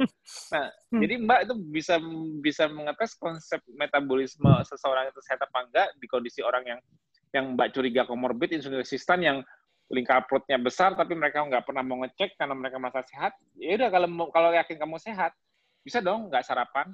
Nah, nah nanti kalau mereka penasaran, kok bisa ya orang sehat hmm. tanpa makanan ya coba aja KF nanti kelihatan the, the the true human primal metabolism untuk bertahan hidup itu seperti apa hmm. sehat di kondisi makan apa sehat di kondisi tanpa makanan nanti ini ini ini ini dua dunia yang berbeda jadi konsep hmm. sama ini kenapa mbak dibilang alien karena mbak berada di kondisi sehat saat belum makan. Nah hmm. kalau udah makan apalagi makannya kebanyakan pasti mbak udah ngantuk. lah udah udah udah udah masuk ke fase rest and digest udah. Iya. kalau udah waktu yang makan pasti pasti nggak bakal se bisa se seaktif mikirnya atau aktif fisiknya seperti sebelum makan. Tapi setelah makan apalagi makannya banyak dan dan normally kita kalau insting manusia yang nggak diet kan manusia itu kan nggak dulu ancestor kita kan nggak ada yang mau diet. Maksudnya mereka hmm. tuh untuk makan untuk bertahan hidup nggak ada diet. Jadi kalau mereka kalau pas makan itu mereka gimana caranya supaya feeling? Supaya mereka bisa hmm. makan saat itu juga. Karena mereka nggak tahu besok bisa makan apa lagi bisa bisa makan lagi apa enggak tapi kan kemampuan mereka digesting hewani ini kan terbatas oleh lambungnya. Karena kan hewani ini kan protein dan lemak ini kan butuh proses dulu di lambung yang lama. Nggak bisa ujuk-ujuk hmm. langsung ke pencernaan usus kayak karbohidrat. Hmm. jadi jadi kemampuan stretching kemampuan mengisi lambung yang yang cuma 1 sampai dua liter itu rata-rata itu nggak nggak banyak. Jadi makanya makan hewani dipaksakin pun juga nggak bisa berlebihan juga akhirnya dalam waktu yang jendela pendek karena mereka habis berburu baru makan. Tapi efek ini menjadi natural calorie restrictionnya membatasi kalori secara restriksinya karena bukan karena ah aku stop makan ah mau kurusan dikit. Kayak gitu mereka stop kan mereka kenyang hmm. ya tapi mereka juga juga kenyang ini akibat dari proses. Nah, kalau pada saat mereka udah kenyang kayak gini, mereka mau berburu lagi ya? Enggak, mereka tidur. Makanya iya. mereka normally makannya sore ke malam hari. Kenapa? Ya karena nggak malam banget karena dulu nggak ada lampu. Jadi sore ke ke ke menjelang menjelang malam atau malam malam tapi masih pakai api unggun tapi nggak malam-malam banget nggak begadang. Itu karena apa? Karena karena mereka mereka feeding window-nya itu selalu di kondisi sore hari mereka baru bisa hmm. makan. Jadi memang cocoknya cocoknya manusia itu cocok di sore hari. Makanya kalau dari lihat dari ritme kortisol kan kortisol mulai turun kan jam 3 sore ke bawah. Nah, hmm. Nah, jadi jam 3 sebenarnya kalau mau benar-benar paling cocoknya makan itu dari jam 3 sore. Itu udah udah kalau di masa lalu jam 3 sore itu orang udah kembali arah ke rumah mereka masing-masing karena mereka nggak bisa di hutan terus karena udah kalau udah gelap kan mereka bisa dimangsa. Jadi mereka udah hmm. berjalan arah pulang. Udah berjalan arah pulang. Untuk mereka harus cari tempat yang aman bagi mereka untuk mereka dapat safety-nya. Nah, safety-nya mereka itu ialah sebelum dia harus harus sampai di rumah, kembali dari de, kembali dari ajang berburunya, kembali ke rumah di kondisi yang mereka di sana safety, jauh dari predator, entah itu di atas pohon kek, atau di gua kek, atau tempat yang menurut mereka aman kek dari mangsa. Hmm. Nah, mereka balik kembali untuk makan. Hasil bulan mereka habis makan ngapain mereka? Tidur. Tidur. Nah, makanya makanya metabolisme di KF ini karena kita menduplikasi cara hidup mereka ya efeknya sama kalau Mbak makan dan makan. Coba deh pas makan kita pasti pengennya kenyang deh. Walaupun kita hmm. ini nih pas kita kan wah ini di waktu jendela makan nih. Nah kita kan kalau makan kan banyak duh, insting dasar kita kalau makan maunya kenyang. Insting dasar manusia ya kalau yang nggak hmm. diet ya nggak nahan. Hmm. kalau makan maunya kenyang tapi abis itu kita ngapain? Rest and digest. Hmm. karena kita energi lari ke perut semua kita akhirnya bawanya resting bawanya ngantuk. Hmm dan nggak dan nggak ada eks nggak ada nggak ada fluktuasi glukosa berlebih seperti kita makan nasi minum teh manis gula yang bikin spike energi energi spike di otak malah yang ya kayaknya makanya problemnya seperti kayak di ADHD di hmm. autism hmm. mereka munculnya begitu mereka surplus ya hiperglikemianya itu lompatan hmm. gula yang berlebih itu yang membuat mereka malah hiperaktif jadi, wah ya. jadi jadi hmm. jadi kita itu kita itu melek seger di kondisi kita aktif bergerak nggak makan tapi kalau mereka segernya kalau kalau udah dibus oleh gulanya, Hmm. Jadi kayak kayak kayak tapi kalau di anak-anak yang bermasalah di seputar otak ya malah malah itu reaktivitasnya berlebih. Makanya mereka jadi ya kalau kalau kalau kita pakai keton itu kan energinya kan nggak nggak nggak berlebihnya itu by demand. Jadi ini walaupun kita bisa suplementasi dengan VCO, tapi tubuh kita kan punya mekanisme untuk membuang ekses ketonnya. Kalau kelebihan, aku buang lewat urin maupun lewat nafas. Hmm. Kalau kalau enggak, aku berikan ketonnya hanya segini. Hmm. Kalau mau lebih, minta supaya ketonnya makin naik. Caranya gimana? Misalnya olahraga, lari, sprint, nge-gym, semakin puasa dipanjangin. Ya, puasa dipanjangin. Apa pun yang apa pun demand energi secara fisik muncul, hmm. itu pasti meningkatkan jumlah keton. Jadi keton itu demand driven. Gula beda. Gula itu supply driven. Makanya makanya kita kita kadang-kadang nggak kalau udah makan unsur yang berkarbohidrat itu kita nggak bisa kontrol tiba-tiba spike gulanya ini kalau di yang bermasalah di otak ya atau lambung juga sama itu bisa langsung efeknya kelihatan di ADHD apa apa jadi mereka uh, tubuhnya tubuhnya tuh harus mengkompensasi ke mana gua harus buang gula akhirnya dikasih ke yang otak jadi hmm. itu yang buat dia kayak tiba-tiba kayak tiba-tiba kayak oh jadi hiperaktif lagi jadi hmm. apa tantrum lagi dan sebagainya itu itu konsepnya seperti itu makanya kalau begitu mereka konsepnya mereka stabil, mereka mereka apa namanya nggak makan karbohidrat, keton itu sifat demand driven dan clean energy. Jadi mereka kayak lebih calm. Yang yang Mbak lihat kalau mungkin dari pasiennya yang anak, mungkin mereka lebih fokus, terus mereka lebih calm, lebih tenang, lebih hmm. lebih terkontrol lah, nggak nggak nggak yeah. se, se, se, seperti dulu bener nggak kalau gitu? Yang ya dari keluarga kan bilangnya begitu jadi lebih konsen kalau yang ADHD ya. ya bilangnya lebih konsen nggak kayak gasing gitu kan kalau anak ADHD kan kayak gasing kayak kayak mesin ya. yang kalau berhenti hanya ya. aja gitu berhenti kalau soak kayak iya. baterai yang soak gitu eh, satu mas yang tadi mas eh, kaitannya tadi kan eh, dibilangnya ada beberapa memang orang yang oh ya kita makan kan tujuannya kenyang beberapa itu termasuk saya kayak mungkin ada orang lain. Saya kenapa dulu tidak suka nasi dan yang makan besar karena saya nggak suka perut saya kenyang gitu. Karena ngantuk. Nggak suka perut saya kenyang sehingga nggak bisa makan yang lain gitu. Jadi beberapa hmm. beberapa orang mungkin terutama oh, sedangnya ngemil ya. Sedangnya iya, ngemil ya. Itu oh. tadi gitu.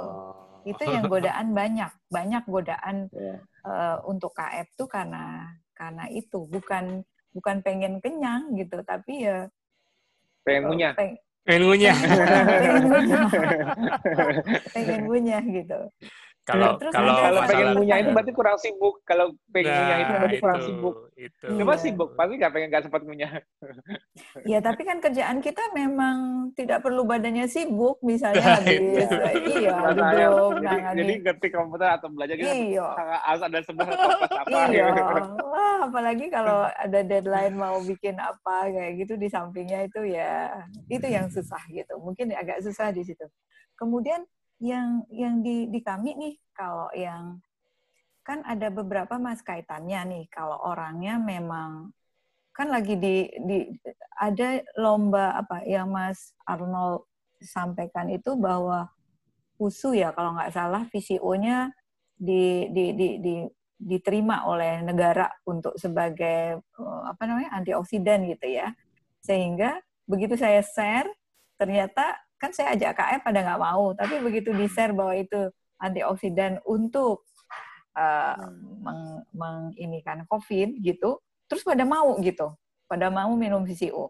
Cuman KF-nya belum gitu. Seberapa bahaya sih Mas Mas Tio? Uh, seberapa ya. bahaya tuh kalau hanya VCO tapi masih KF, eh masih masih karbo, uh, masih karbo. Ya sebetulnya sih kalau aku tetap tetap nggak tetap tetap nggak setuju kalau kalau masih ada karbo tapi ditinggiin fatnya. Hmm. Jadi jangan jangan menghalalkan fatnya dari VCO itu fine selama dia VCO. Kalau lemak saturated, yang bilang yang bilang VCO bukan saturated fat siapa? Cek aja saturated fat di di VCO itu berapa? Tinggi, tetap hmm. tinggi. Nah kan yang yang yang bikin jelek karbo itu ialah apa? Kalau kita makan tinggi karbo, kita tidak bisa tinggi saturated fat atau tinggi fat hmm. Makanya kan dicarinya kan yang unsaturated, monounsaturated, jadi yang agak prosesnya agak lambat. Kenapa? Karena kan kalau yang sering aku bahas di telenakes itu kan kompetisi dengan Randall cycle-nya. Jadi di hmm. cycle itu kompetisi antara glukosa dengan lemak. Terutama saturated fat yang lebih lebih cepat masuk beta oksidasi. Kalau dia ada kompetisi, resiko lipotoxicity. Nah, makanya hmm. bilang, jadi kalau kalau kalau VCO dianggap superfood di kondisi dia bukan ketosis, ya kontra. Kenapa? Basic makronutrisinya lemak. Hmm. Pernah ada yang pernah ada yang bilang karbo dan lemak tinggi sama-sama tinggi itu bagus siapa yang berani bilang nggak ada di dunia karbo hmm. kalau mau sehat kamu harus rendah lemak di dunia kita kalau kamu makan lemak kamu harus rendah karbo yes. kalau kamu dua-duanya maunya tinggi ya kamu bakal eh, nggak uh, menang di dua-duanya yang pasti kamu pasti bergejala entah itu aram lah, entah itu sakit. Jadi orang-orang yang yang aku bilang tadi, jadi kalau orang di dunia karbo, kalau yang tadi dibikin perbandingan satu makan tahu, tempe, lauknya hmm. sedikit, banyak sayur buahnya, ya aku bilang dia lebih sehat, nggak tinggi lemak kalau dia makan nasi kok. Tapi hmm. kalau kalau yang masih makan nasi dia makannya rendang apa yang saturated fat kayak gitu yang tinggi-tinggi ya selesai dia. Kalau hmm. mau dibandingin jangka panjangnya ya selesai. Dia kalah ma kalah kesehatannya jauh sama yang bisa menjaga seperti ini yang makan gak enak. Hmm. Ya kan makan gak enak kan, makan tahu, tempe, nasi, hmm. sayur, lalapan. Artinya yang rendah lemak itu kan makan gak enak kan membatasi lemak itu kan makan gak enak. Itu udah aku pakai ininya Mas Tio tuh, gitu. Dia bilang, saya nggak bisa, nggak makan nasi. Oke, okay. jadi nasi sama ayamnya pisah gitu. Kamu pilih nasi aja, nggak pakai nggak pakai ah nggak pakai lauk, pake apa makan lauk ayam? Uh, apa pilih ayamnya? Baru dia bilang mau pilih ayam. saya pakai pakai ininya Mas Tio tuh untuk nangani yeah. pasien anak-anak yang gitu. Terus iya, makan lauknya aja. Jadi hmm. karena kita dikonsepin dipasangkan dengan nasi, coba makan lauknya aja. Kita justru malah nggak bisa makan banyak. Makanya rata-rata orang yang bilang nggak bisa lepas nasi itu karena belum pernah nyoba. Coba ini. Jadi gini, kalau aku bilang ya, karbohidrat seperti seperti nasi, roti, mie itu ada ada efek secara psikologisnya juga efek craving loh, Mbak. Jadi kayak ada iya. semacam addictingnya.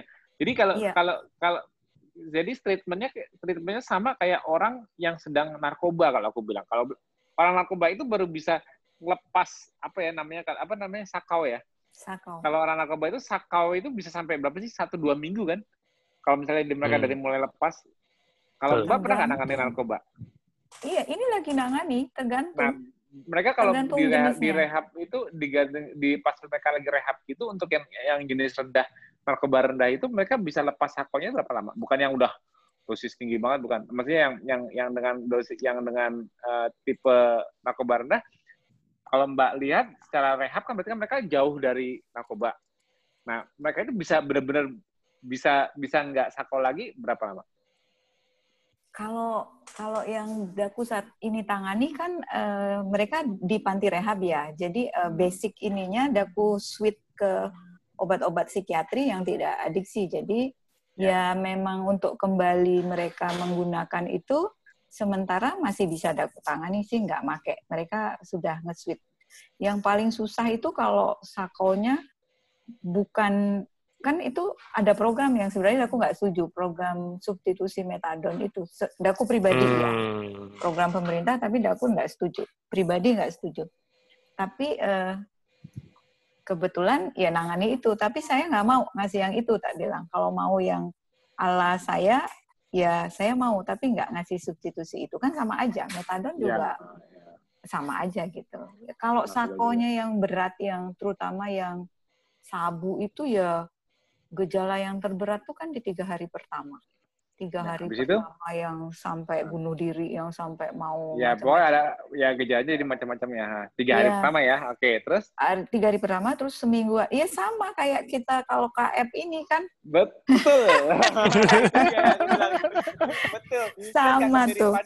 ini aku maksud. Jadi aku mau ngambil sampling kata gini. Terutama mbak yang nanganin pasien narkoba Iya. Lihat deh efek-efeknya menghilangkan narkoba tiga hari pertama sampai satu minggu lihat deh sama orang-orang yang KF yang mereka bergejala yang ada yang mual-mual, ada yang hmm. gatel-gatel, ada yang apa. Hmm. Udah mulai lihat kemiripannya nggak sifat adiksi dari sugar ini seperti apa? Hmm. Lihat efeknya ke tubuh cara melepasnya seperti melepas narkoba nggak? Makanya iya. aku bilang, nah itu dia. Ya mereka yang pada pada pada belum mulai KF terus mereka pada bilang ah gue nggak bisa lepas nasi gue nggak bisa nggak makan mie gue nggak bisa makan roti. Mereka itu ada ada dari sisi psikologi itu mereka sebenarnya ada sisi adiksi yang mereka nggak ketahui. Hmm. mereka merasa ah, gue nggak nggak kecanduan tapi mereka ada sisi adiksi tertentu. Contohnya seperti dia nggak bisa nggak bisa kalau nggak makan pakai nasi. Kalau belum makan nasi belum makan. Atau hmm. oke okay, nggak makan nasi tapi gue harus ngemil roti gue harus ketemu tepung harus tepung tepungan harus ada yang khusus tepungnya entah itu kue roti mie tentu dia nggak bisa nggak bisa truly makan real food ikan telur ayam daging hanya digoreng kalau nggak ada unsur yang menepunginya atau unsur yang makan pakai rotinya burger atau penasinya hmm. mereka tuh melihatnya itu cuma sebagai suatu konsep komposisi makanan hmm. mereka melihat itu cuma sebagai konsep ya kalau kan udah norm udah normalnya kalau makan lauk pasti ada nasinya kalau hmm. udah normalnya kalau makan daging pasti ada rotinya kayak minyak mereka hanya melihat kitab, tapi mereka nggak lihat sisi adiksinya di situ. Nah, makanya jangan heran kalau di KF saat orang mulai, ya mungkin nih mentor-mentor yang juga pada nonton PFH sekarang udah tahu dah. Begitu mereka mulai mentorin, lihat di hari keberapa mereka banyak yang teriak-teriak. Hari ketiga, hari keempat, hari kelima, pokoknya seminggu pertama deh. Bener nggak? Pasti iya. mentor-mentor bilang, iya rata-rata minggu pertama, iya betul. Nah, sekarang bagi para mentor-mentor yang menangani orang KF, nih, lihat contoh dokter yang menangani pasien narkoba. Tanya, pasien narkoba berapa, keluarnya di hari berapa dan berapa lama? Hmm. Muncul macam-macam tuh. Sama seminggu. Yang bilang yang bilang uh, karbot itu tidak menimbulkan adiksi itu siapa? Terbukti nggak? Terbukti. Hmm. Nah, begitu mereka punya metabolic disorder, karena karena efek disordernya sama. Cuma beda beda beda pengungkapannya ya munculnya dalam bentuk ya kalau sabu apa yang bunuh diri apa halusinasi apa dan sebagainya. Mungkin yang GERD itu juga engsinya jadi meningkat dan sebagainya. Yes. atau yang punya metabolic syndrome lainnya juga juga yang banyak muncul alerginya muncul hmm. apa. Tapi itu semua proses untuk melepas adiksinya. Nah rata-rata tanya lagi deh misalnya mentor-mentor. Kalau yang udah bertahan seminggu ber, bisa beresin semua detoksifikasinya habis itu mereka masih mau nyari nasi nggak? Masih pengen masih masih enggak akhirnya mereka oke okay, gue bisa lepas. Iya. Yeah. betul oke okay, akhirnya oh iya ya nih sekarang udah udah agak entengan nih nggak makan nasi udah udah mulai mereka sih alasannya ngomongnya akhirnya sudah ter, karena kebiasaan akhirnya ter, sudah terbiasa. Enggak sebetulnya something di adiksinya itu hilang begitu mereka melalui itu. Jadi mereka udah udah oke okay deh gue udah bisa nih makan lauk doang udah bisa. Itu mereka ngomong gitu satu dua minggu kemudian. Sebelumnya itu mereka berjuang melepas adiksinya sama hmm. kayak orang melepas narkobanya. Itu yang aku bilang efek-efeknya itu seperti itu. Efek-efek adiksi dari karbo itu luar biasa kalau yang bagi nggak sadar. Hmm. Nah begitu itu udah lepas, baru mereka udah, oh iya ya, udah agak enakan. Nah, tapi yang narkoba pun juga ada rasa kangennya. Mereka udah nggak ada adiksinya nih tapi mereka aduh pengen mengerat pengen pengen merasakan kenikmatan yang sama betul nggak mbak makanya mereka kadang-kadang suka iya. kembali balik kembali. lagi jadi hmm. jadi jadi mereka aduh uh, kayaknya nyabu lagi enak nih mereka sebenarnya nggak ada adiksi cuma karena, karena karena mau nyoba lagi karena pengen pengen merasa fly yang sama atau rasa yang yeah. sama dia dia, yeah. dia pengen mengalami kenikmatan yang sama seperti cuma cuman inget doang inget tapi nggak nagih beda sama pertama waktu nasi nagih betul nggak mbak? Mm. Nah mm. begitu mereka nyoba mereka malah pernah nggak dapat pasien yang yang udah udah udah udah sembuh nih, tapi mereka nyoba lagi, tapi malah pas udah nyoba lagi malah makin parah makanya, malah dosisnya lebih besar lagi, benar nggak? Iya. Ya, kan kan efek adiksi memang begitu mas. Ada Nggak, yang, yang udah lepas ada. yang udah lepas ini kan udah lepas. Ada. Jadi lepas, dia coba lagi dia, lebih tinggi lagi malah. dia orang Jakarta. Jadi di ditangani aku tangani di Solo di di uh, panti gitu. Ada panti di sini. Terus udah bagus, udah lepas. Dosisnya udah minimum. Uh, dosis obatku sepersepuluhnya. Udah bawa ya. ke ini diminta sama istrinya. Terus bagusnya lagi dia kerjanya di apotik coba. Hmm. Di apotik, pakai lagi deh. Nah, pas pakai lagi, dia lebih lebih parah dari sebelumnya nggak?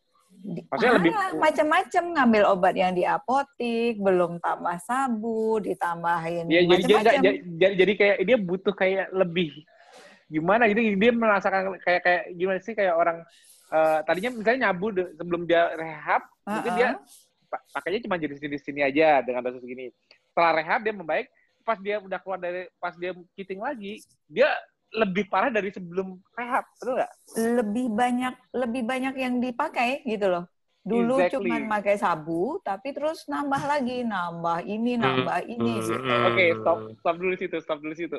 Lihat kesamaannya nggak dengan orang yang cheating di KF? Begitu dia dia pernah karbo, dia pernah makan karbo. Dia dengan makan karbo normal ah nyoba KF ah ya.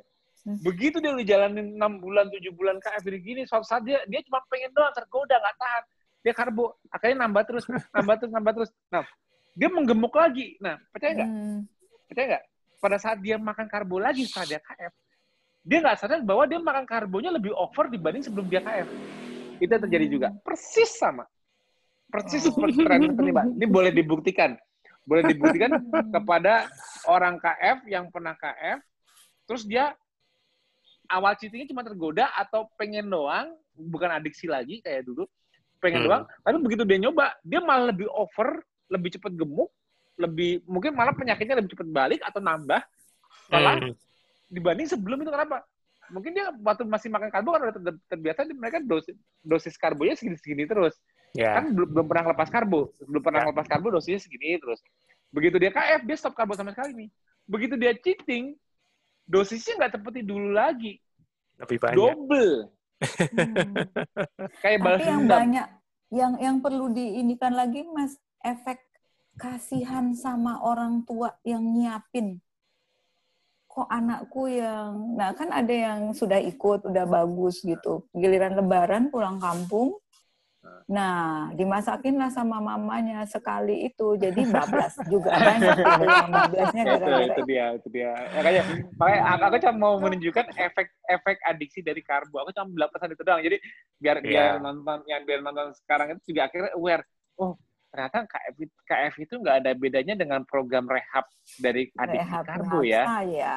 Nah, benar, iya. bukti ya nanti makanya mbak kalau lihat banyak orang di KF yang ngeluh ada yang ada yang mual-mual, ada yang apa, Loh, kok mirip ya kayak kayak apalagi orang yang sering nanganin pasien narkoba pasti lihat kok kok mirip ya di tiga hari pertama, empat hari pertama gejala detoksnya, Hmm. Apa ya semua kelihatan muncul semua pada saat narkobanya dilepas. Ya ini itu sama. Pada saat karbonnya dilepas, tubuh kita berusaha mengembalikan ke the real metabolismnya.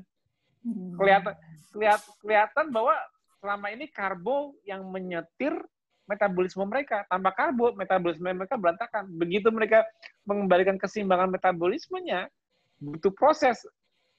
Kelihatan dia ketergantungan tanpa pada saat nggak ada karbo. Makanya banyak yang gagal ikut KF pun karena apa? Begitu mereka udah bergejala tiga empat hari, mereka nggak mau nggak mau nerusin malah kembali karbo. Begitu dimakan coba gini ya. Begitu tiga empat hari bergejala itu masuk karbo lagi, enak lagi. Hmm. Sama orang-orang hmm. orang orang nih di rehab nih lagi mau sakau, mau apa, mau bunuh diri. Kasih aja dikit lagi deh. Nih, nih, nih gue balikin deh narkobanya. Ah, akhirnya mereka bisa lega lagi enak. Betul kan? Nah, karbo juga gitu. Wah, ada yang gatal-gatal, ada yang diare apa mah akhirnya hmm. bilang mas saya udah sempat nyoba kemarin banyak yang japri aku mas aku udah nyoba tiga empat hari tapi nggak kuat aku pada gini gini tapi begitu tapi akhirnya aku balik makan nasi deh mas. Terus gimana bisa makan nasi? Ya enak lagi mas udah nggak kerasa lagi atau hilang gejalanya. Betul kan? Banyak yang japri aku mas tolong bimbing aku kenapa? Ya aku bulan kemarin pernah nyoba KF cuma tiga empat hari doang. Tapi nggak kuat mah aku kambuh aku gak gagal apa apa terus habis itu ngapain? Ya akhirnya aku karena nggak kuat disuruh suami makan nasi, aku makan nasi lagi. Terus gimana? Enak. Langsung segini hilang semua. Iya. Nah, aku karena udah udah udah udah ribuan yang kayak gitu, udah di luar kepala, nggak jauh beda sama sama narkoba. Sama orang narkoba pada saat dia dia narkonya tiga empat hari itu dia nggak tahan misalnya gimana gimana akhirnya iseng dikasih narkobanya lagi, dia kembali enak lagi. Jadi seakan-akan tuh narkoba maupun karbo sama-sama menghilangkan sakitnya seketika. Gejala. Jadi menghentikan semua proses detoksifikasinya. Tadinya dia harusnya detox dulu, tapi detoksnya berjadi gini. Karbo itu bisa menghentikan detoks seketika. Karena tubuh hmm. detoksifikasi yang berasal dari proses katabolisme yang membuang sesuatu, dikasih karbo jadi anabolik lagi, batal semua. Selesai. Hmm. Nah, itu. Itu jadi jadi jadi mumpung ada Mbak Aimarati yang udah pernah pegang rehab, aku mau menunjukkan ke para warrior juga pattern yang terjadi itu seperti itu. Jadi jadi jadi jangan heran kalau kita ketemu orang yang aduh gue nggak bisa nggak makan nasi, aduh gue nggak bisa makan roti dengan excuse apa pun itu mereka mereka itu nggak sadar dengan adiksi mereka. Hmm. Mereka hmm. mereka itu nggak sadar dengan adiksi mereka. Dan okay. dan dan dan kebanyakan orang yang benar-benar mau melepas adiksi itu kalau orang tersebut sudah tidak ada pilihan. Contohnya gini, kenapa KF itu terkenal terkenal bagi orang yang banyak kok banyak banget sih di KF orang yang penyakitan ya karena pada saat mereka hmm. sakit baru mereka serius jalaninnya. Contoh kayak Mbak hmm. Malati. Mbak Malati cuma mungkin kalau kalau tadinya cuma gemuk untuk jadi kurus mungkin juga nggak terlalu pengen banget kali ya apalagi lihat KF takut ada lemaknya. Tapi karena udah bosen minum obat, udah fatty liver, udah iya. udah dibilang bakal sirosis, ah mendingan gue KF aja mau nyoba. Tapi akhirnya adiksi karbo hilang, bener nggak? Nah, hmm. tapi akhirnya akhirnya Mbak lebih konsisten nggak? Jalannya. Iya, konsisten. Iya. Coba coba coba Mbak bayangkan Mbak nggak di posisi itu. Mbak gemuk, begitu KF kurus. Terus ada orang nawarin, udah paling makan kue lapis legit atau makan apa donat atau makan masih dikit aja paling cuma gemuk dikit lagi nanti tinggal diet lagi ya. nah ya konsistensinya nggak ada karena awalnya cuma estetika nggak nggak menyadari ada ya jadi yang punya metabolic isu itu justru malah konsistensinya itu lebih lebih bagus kenapa karena mereka sudah memberikan efek nyata dari makin sehatnya itu kelihatan banget jadi hmm. jadi orang orang orang itu bakal bertahan di lifestyle kalau mereka sudah appreciate health Hmm. Ya, appreciate menghargai sehat rasa sehat itu gimana sih? Yang yang belum appreciate health itu yang yang yang masih gampang cheating keluar masuk kenapa? Karena mereka nggak appreciate dengan apa sih nikmat nikmat sehat itu seperti apa sih? Nikmat lepas dari obat itu seperti apa sih? Nikmat hmm. lepas dari suatu vonis itu seperti apa sih? Itu makanya orang yang yang KF kenapa banyak yang fanatik kenapa ya? Coba tanya yang fanatik sama KF yang di luar sana teriak-teriak KF yang sosial media KF itu mereka kebanyakan rata-rata berasal dari antara dia megang dia sebagai caregiver orang yang sakit suaminya atau bapaknya atau dia sendiri sakit berasal dari KF udah di luar teriak nggak usah eh KF tawarin dong ke temen lo pernah nggak aku nyuruh kayak gitu nggak pernah kan Tahu-tahu hmm. ratusan ribu aja sekarang. ya itu karena karena rollingnya itu mereka membuktikannya seperti itu. Jadi jadi pesanku pesanku maklumi maklumi keluarga, teman, sejawat yang bilang yang yang mereka nggak bisa mereka itu mereka mereka nggak bisa apa ngebully kita karena kita berhasil menjelaskan konsepnya tapi mereka nggak mampu gue nggak mampu. Ya gue tahu sih lo jadi sehat. Gue tahu sih penyakit lo hilang. Tapi gue nggak mampu kayak lo. Gue nggak bisa nih kalau nggak pakai nasi. Nggak bisa nggak pakai mie. Nggak bisa nggak pakai roti. Langsung lihat mereka oh ini adiksi yang mereka tidak sadari. Hmm. Jadi kalau kalau kalau kalau kita bisa somehow membujuk atau men-challenge mereka menjalankan hanya dalam waktu satu dua minggu seperti prosesnya kita melepas orang yang udah deh seminggu aja nggak pakai sabu, seminggu aja nggak nggak pakai ganja, seminggu aja nggak pakai apa pun aku nggak tahu jadi jenis narkoba. Lihat setelah setelah seminggu dua minggu itu masih nyari narkoba nggak?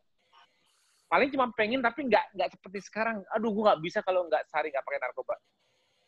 Bener nggak mbak? Jadi mereka mungkin mungkin mau mencoba karena pengen merasakan lagi tapi kan nggak tapi nggak edik waktu mereka bilang aduh kayaknya gue nggak bisa stop sabu nih nggak bisa gue kalau sehari tanpa sabu gitu jadi hmm. jadi dia harus melalui proses let go-nya dulu salah satu dua minggu itu nah kalau bisa membujuk siapa pun keluarga teman rumah kita deh yang tadinya dia bilang yang yang tadinya dia bilang nggak bisa makan nasi, nggak bisa makan roti, atau bahkan mereka masih makan nasi roti, tapi tapi supaya mereka nggak dipaksa, mereka denial. Wah, itu berbahaya, wah gini-gini. Sebetulnya mereka nggak ngerti, tapi mereka denial karena mikir itu berbahaya. Sebetulnya karena mereka nggak sanggup melakukannya. Gue nggak bisa. Hmm. Makanya kalau nggak, kalau karena aku secara fisik aku nggak bisa, mendingan aku deny aja. Aku deny sekalian, aku bully dia sekalian gitu. Aku bully aja Mbak Ayu sekalian wah ini bahaya lo gini-gini kayak orang aneh alien gini-gini gini. Padahal sebetulnya dia pengen tapi dia nggak sanggup. Karena dia masih ada adisi yang menekan, tapi kok dia bisa ya nggak pakai nasi ya? Kok itu bahasa ya begitu dia? sering tuh, sering. Oh, bahasa bahasa gini, saya tuh sayang sama kamu, dek, gitu. jangan, jangan, jangan terlalu nisa diri, digituin. Senior saya ada yang ngomong karena, karena, karena, karena dia bilang, karena karena di, gini mbak, karena yang ngomong ke mbak itu gini, karena kalau aku melakukan kayak adik, aku tersiksa. Makanya aku nggak rela lihat kamu tersiksa. Itu nggak tersiksa. Karena karena karena dia ngebayangin kok nggak pakai nasi tersiksa. Berarti dia ada adiksi yang gila gue menghilangkan kesenangan hidupku jadi kayak kayak ngelepas iya. karbo itu melepaskan suatu kenikmatan melepaskan suatu hmm. edik jadi hmm. jadi apa nikmatnya sih hidup tanpa karbo di mana-mana karbo di mana-mana roti di mana mie banyak hmm. penawaran kenapa sih meninggalkan semua diri. kenikmatan gitu jadi jadi, jadi iya. kayak makanya kalau aku kayak ade aku nggak aku nggak nggak sanggup aku aku masa stres aku aku bisa teriak kali tapi makanya kan aku sayang aku nggak tega udahlah makan karbo lagi. Gitu hmm. yang dimaksud saya oh eh, tapi saya nggak apa-apa kok. Itu yang malah, sering mengakibatkan gagal pada orang lain juga kali ya. Nah itu jadi ya, ya ini bahasanya karena sayang karena perhatian nah, gitu terus nggak ya. tega terus nyoba gitu. Seru seru. Makanya pentingnya pentingnya mentoring itu memang uh, pentingnya mentoring itu justru dipantau itu di awal satu dua minggu pertama kalau aku bilang. Hmm. Karena seperti kita mentorin narkoba, mungkin ngontrol dia apa mantau kondisinya itu uh. satu dua minggu satu dua minggu pertama itu paling penting sampai lepas adiksinya dulu. Hmm. Nah begitu nanti adiksinya udah mungkin nanti masih ada detoxnya tapi ya kalau kalau kalau mungkin detox itu kalau kita di KF bilangnya healing crisis masih ada healing crisisnya tapi mungkin nanti tapi tapi kuncinya dia bisa bisa bisa lanjutin di KF lanjut apa enggaknya sampai berbulan-bulan sampai bertahun-tahun kemudian ialah dia dia survive di satu dua minggu pertama saat dia melepas adiksi karbonya lupa. Hmm. itu kunci pertamanya. Nah itu bisa bisa diambil juga pesannya buat para uh, warrior senior di sini yang ada yang mentorin siapa hmm. nyubi-nyubi atau apa. Itu itu itu siap siap dijapri mereka satu dua minggu pertama. Karena apa? Itu masa-masa mereka antara lolos ujian atau enggak. Karena fight-nya mereka dengan adiksi itu di satu dua minggu pertama. Hmm. seru, seru, seru. Mas, ini sebelum sebelum apa? Ini memang sudah mau menuju penghujung, tapi ada beberapa pertanyaan hmm. yang tertarik nih sama Mbak Ayu Maharati karena ya, beliau kan SPKJ ya, jadi ada psikiater. Oh, jadi... aku sekarang mau ngecek Alif sebentar lanjut oh ya ke boleh, boleh, ya. boleh, silakan. Aku di mute dulu. Ya. Jadi uh, Mbak Ayu ada yang nanya uh, Mbak Ayu prakteknya di mana sih? Kalau tadi ada beberapa yang tertarik mungkin mau konsul kali ya atau mau ini. Itu satu dulu. Kedua tadi ada yang nanya karena Mbak Ayu tadi sempat singgung tentang bipolar, ada nanganin hmm. pasien bipolar. Jadi ada yang nanya uh, kaitannya gimana KF itu bis, bisa menyeimbangkan bipolar. Ini mungkin yang nanya karena ada ada background, mungkin keluarga dekatnya juga ada kecenderungan menuju ke sana. Nah, kaitannya sama bipolar juga tadi ada yang nanyain juga uh, bagaimana kaitan uh, ini sesuai ranahnya Mbak Ayu belajar psikiater, jadi banyak berbicara tentang neurobrain transmitter dengan GERD, reflux, ya kan? itu hmm. seperti apa? Itu dulu, Mbak. Iya. Kalau yang yang pertama tadi saya di Muardi, di Rumah Sakit Dokter Muardi. Solo. Oh, di Solo ya berarti. Ya, Oke, nah, itu teman-teman didengerin langsung dicatat. Dicari di Dokter Muardi. Saya tidak akan share nomor teleponnya, saya tidak akan share, tenang aja. Iya, Dokter Muardi Solo.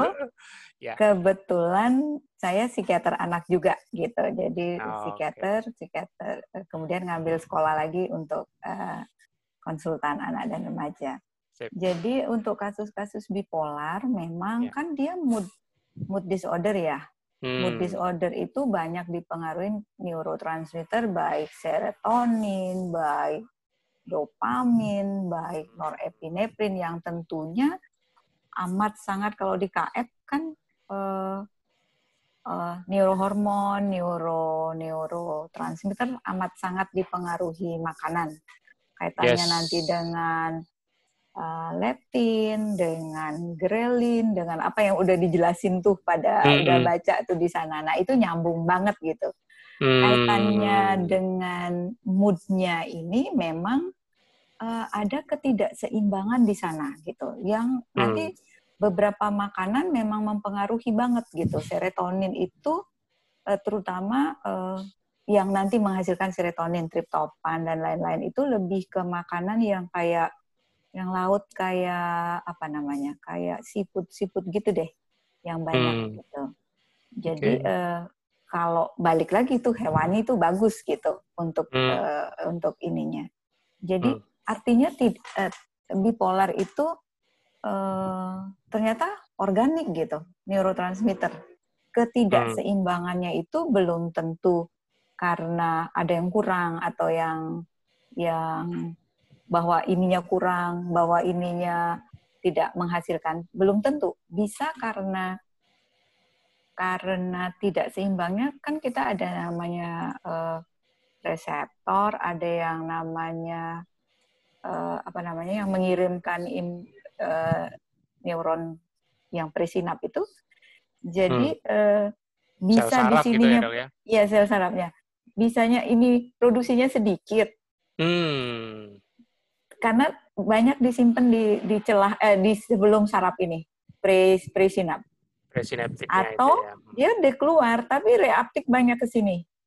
Oh. Sehingga tidak ada di celah sinap. Atau dia sudah banyak celah sinap tapi reseptornya ini jumlahnya sedikit, kerusakan hmm. atau beberapa tidak mampu menerima sehingga jadi tidak seimbang gitu. Berarti balik lagi sebenarnya ke sel juga ya, Dok ya? Ke sel, ke sel. Yang tadi di yang tadi Mas di video awal tadi ya. Iya, itu nyambung hmm. banget gitu.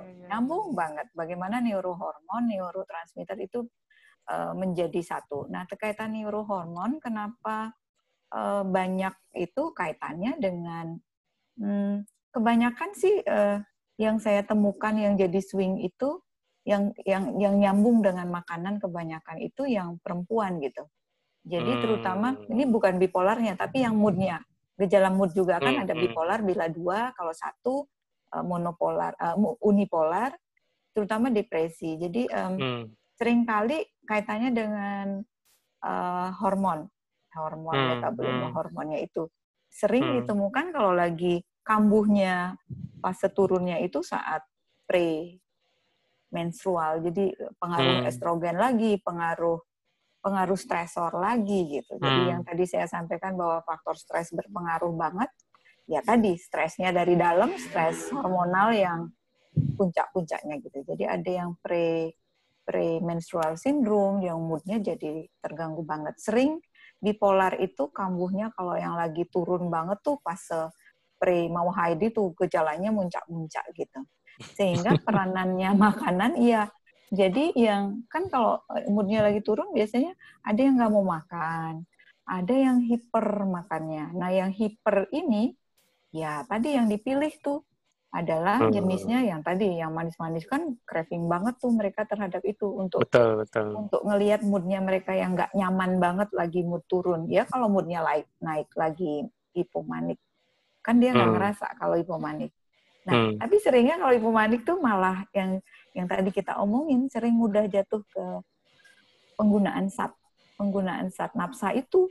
Jadi sering hmm. komorbidnya itu kalau yang gangguan bipolar itu sering kali uh, komorbid dengan penyalahgunaan zat, sering komorbid dengan kecanduan game, kejan, kejan, kecanduan hmm. gadget kalau yang saat sekarang gitu itu yang ya. yang kaitannya pengaruh makanan iya pengaruh nanti kaitan dengan leptin yang nggak bagus responnya balik lagi 5HT yang serotonin tadi kan banyak dari apa namanya 5HT1, 5HT2, 5HT 5HT3, 5HT2C. Nah, itu yang nanti yang mempengaruhi kaitannya dengan leptin yang responnya ke atas, ke pusat, ke, hmm, ke otak. apa ya, aksesnya, hmm. dia dia nggak mengirim impulsnya ke ke apa namanya ke pusat laparnya itu nggak bagus jadi hmm, dia hmm, sudah hmm. penuh kita jadi nggak ngerasa nggak ngerasa nggak kenyang, kenyang gitu. masih berasa ya, lapar ya, gitu ya makanya tandanya salah satu ada yang hiperpagi pada depresi juga ada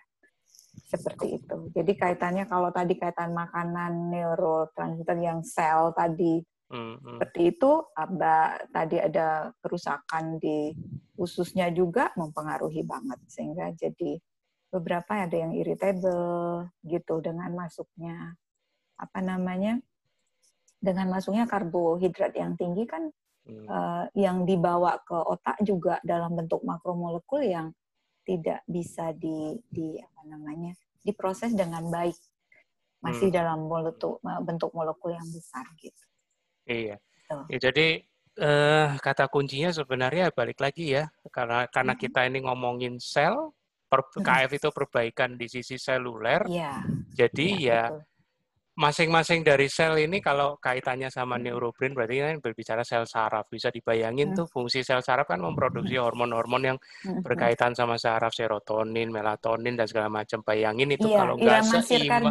juga amat iya. berpengaruh nah, yang itu dia tuh. Iya, irama sirkadian terutama Aduh. tidur bangun itu itu hmm. mempengaruhi hmm. mood banget. Jadi uh, jadi kalau saya ditanya dulu itunya, apa sih, kenapa sih dietnya, kenapa makannya jam 12? Kan orang kalau yang Mas Tio tadi bilang, kan harus pagi sarapan, kenapa jam 12? Saya kan pakai, ini tekniknya irama sirkadian gitu. Jadi di psikiatri memang kita ngomong irama sirkadian gitu. Ini kok nggak ada yang ada yang komen EMC kuadrat nggak Mas? Kayaknya cuma aku doang yang dikomenin EMC kuadrat. berarti berarti berarti siap-siap ya jadi pengisi SFH nantinya aku undang lagi buat pengisi SFH harus presentasi Mas kayaknya yang kayaknya yang label EMC kuadrat cuma Dimas ya. yang lain berusaha masih mau bumi Mas. Iya berarti cocok gitu Mbak. Cocok buat presentasi SFH juga. Nanti Mbak siap aku undang lagi untuk SFH. Wah. Iya, okay. iya semua nggak malu-maluin, nggak tahu aku ilmunya Mas. ya, justru yang yang dipresentasikan sesuai kalian Mbak, yang Mbak yeah. yang Mbak masa hubungan dengan KF apa. Yeah. Jadi kenapa di, di setiap di, setiap aku ngundang pemateri itu aku ngundang aku bilang kepada para pemateri yang kamu sukai apa, yang kamu kuasai apa itu dibicarakan. Jadi yang uniknya dari setiap SFH juga untuk SFH hmm. minggu besok nanti itu hmm. untuk minggu besok nanti itu ialah apa? Hmm. Keunikan dari setiap SFH itu ialah nggak ada tema. Hmm. Jadi setiap setiap pemateri itu beda-beda dari FIC, ada dari nakes nah yang yang yang nakes itu sukai dan kuasai itu yang diceritakan. Jadi setiap SFIA itu selalu selalu setiap sesi itu selalu berbeda selalu ada hmm. nuansa baru ilmunya banyak nggak nggak nggak oh ini mengenai puasa ini mengenai diabetes oh ini mengenai ini uh, sebenarnya. Kan nggak semua orang uh, uh, pengen tahu yang kayak contohnya seputar psikiat apa psikologi. Kan banyak juga uh, psikiatri ini kan banyak banget yang juga pengen tahu atau hmm. kesulitan mereka uh, misalnya gini teknik-teknik supaya an, gimana anak-anak bisa mudah menjalankan KF misalnya hmm. atau menjaga konsistensi sama KF supaya nggak cheating gimana kalau mereka dijelaskan dari sisi sainsnya itu kan uh, lebih lebih menarik untuk mereka uh, mengetahui ilmu-ilmu di KF jadi justru ya aku bilang gini kenapa kenapa uh, aku kok rajin ngadain TFH rajin ngadain SFH kenapa karena ya itu dia harus selalu apa ya untuk seseorang konsisten dengan lifestyle-nya mereka harus semakin tahu dan semakin pintar hmm. jadi gini kenapa kok Mas Tio kok bisa sih sampai 12 tahun nggak makan karbo nggak tergoda apa apa karena aku udah tahu A sampai Z-nya jadi jadi jadi uh, uh, gimana ya Nama makanan udah nggak berlaku buat Mas Tio. konsep makanan itu bagiku udah udah nggak udah udah udah udah what for gitu. Jadi gini, semakin untuk untuk kita sehat di masa modern dengan berbagai penawaran, hmm. kita harus makin pintar. Kenapa? Karena alam alam kita itu tidak seperti tidak seperti dulu. Dulu dulu manusia tidak perlu pintar untuk sehat. Kenapa? Karena alam mengkondisikan mereka mereka mereka kalau mau makan ya lu cari dulu, lu gerak dulu. Nggak ada yang perlu nggak ada yang perlu nyuruh orang olahraga dulu. Kamu harus nge-gym ya, kamu nggak ada. Kalau lo mau hidup, lo harus gerak. Harus gerak, aktivitas fisik untuk survive kalau kamu harus tidur jam segini ya supaya nggak saya jangan punya utang tidur. Nggak ada yang nyuruh. Kamu nggak ada lampu dulu gini-gini. Jadi alam dulu dan alam dulu itu sangat beda dengan alam sekarang. Jadi kalau kita mau sehat dengan berbagai penawaran di saat ini di mana kita makan tuh gampang makan enak gampang makan yang bikin ketagihan gampang mau begadang gampang mau hiburan gampang. Kalau kita nggak pinter nggak nggak mau menimba ilmu terus ya siap-siap kita terprosok. Makanya fungsi dari TFH dan SFH itu ialah selalu ngangkat ilmu-ilmu yang dulu, yang kalau perlu diulang-ulang, kalau perlu makin advance, kalau bisa ngikutin sampai level sel kayak aku lebih bagus lagi. Tujuannya apa? Makin apa ya maksudnya? Jadi makin apa ya kalau dibilang apa bahasanya? Makin yakin gitu, makin apa kalau orang udah makin yakin, makin makin makin serak, lifestyle itu udah makin mantap itu udah ah orang mau teriak apa ya, ya terserah deh. Mau nakutin ini mau nakutin itu mau apa mau aku yang ngerasakan kok. Makin kesengsem mas. nah, dan, dan dan makin amazed dengan gaya hidupku makin amazed yeah. dengan efek efek gaya hidupku bisa bantu orang lain lebih sehat. Itu itu yang membuat jadi jadi kita kayak membuat apa ya membuat kalau aku prinsipnya gini nih kalau aku prinsipnya selalu gini. Live your own legacy jadi gini ya. salah satu salah satu motivasiku di KF ini salah satunya ialah apa walaupun terlihat aku menginspirasikan banyak orang sebetulnya membuatku merasa kayak ah gua aja sebagai suhunya yang ngajarin mereka kayak gini mereka terinspirasi mereka tertolong masa gue mencontohkan nah. yang buruk nah ya. jadi jadi jadi kayak kayak membuat self disiplin saat kita kita kita worth untuk nolong orang lain Betul. kita harus worth untuk diri kita sendiri gitu masa ah padahal gue cheating ah kan nggak mungkin kan kalau udah jadi panutan kok malah cheating gimana sih nah uh, semua orang kalau makin ilmunya ditambah-tambah terus kita juga bisa ngasih legacy legacy gitu. Jadi jadi sebetulnya yang menolong itu bukan aku. Yang menolong itu ialah orang yang memberitahu kamu sebelum sebelum sebelumnya. Lagi, yeah. yang menolong Mbak Maharati sebelum dari Fatty Liver bukan aku. Konsep hmm. KF di aku. Tapi yang yang mengajak sehat pertama yang ngajak Mbak Maharati ke KF, dialah yang berjasa. Nah, jadi hmm. jadi itu kayak hmm. rantai kayak rantai itu loh. Jadi kayak kayak rantai saling meninggalkan legacy ke mana-mana gitu. Ini ini ngajak ini ngajak ini kita kan senang wah teman gue sekarang udah sembuh dari fatty liver jadi kayak ada rasa gimana gitu loh dari kalau itu, itu itu yang aku harapkan tuh kayak gitu Nah, mantap Mas. Mas, kita sudah jam 10 nih. Jadi kita mulai ya. closing statement dari Mbak Ayu Maharati. Ya, Mbak. Silakan Mbak Ayu, silakan. Uh, saya sih hanya bilang terima kasih kesempatan ini luar biasa sekali. Uh, kalau ibaratnya zaman dulu waktu SD saya suka nonton Kopingho, uh, ada ilmu kingkang sama gue kang dan saya ngelihat Mas Tio saat olahraga apa tuh yang ilmu meringankan. Saya jadi percaya, lebih percaya zaman dulu tuh bener tuh. Jangan-jangan emang bener tuh dengan eh, jangan-jangan dulu tuh dia KF gitu tuh yang pendekar Saulin yang meringankan tubuh ilmu bintang dan nyindir Saulin ya? Aku juga kenal nih. Kacau. Gitu. Jadi aku semakin percaya tuh bahwa itu ilmu tuh ada tuh. Jangan-jangan eh, zaman dahulu orang udah KF gitu eh, tenaga meringankan tubuhnya kayak gitu gitu. Apalagi yang kita punya panca Pandawa tuh yang bisa bersemedi sampai berhari-hari jangan-jangan itu KF yang, yang di ini kan gitu zaman dulu ya gitu. Jadi semakin yakin gitu ya mas.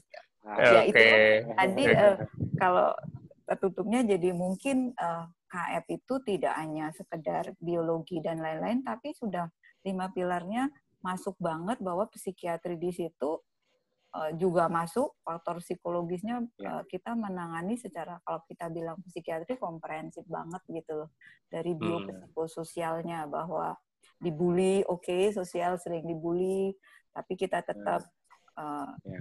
kalau daku sih bilangnya gini mas biarin kurus yang penting keren gitu. Biarin sombong.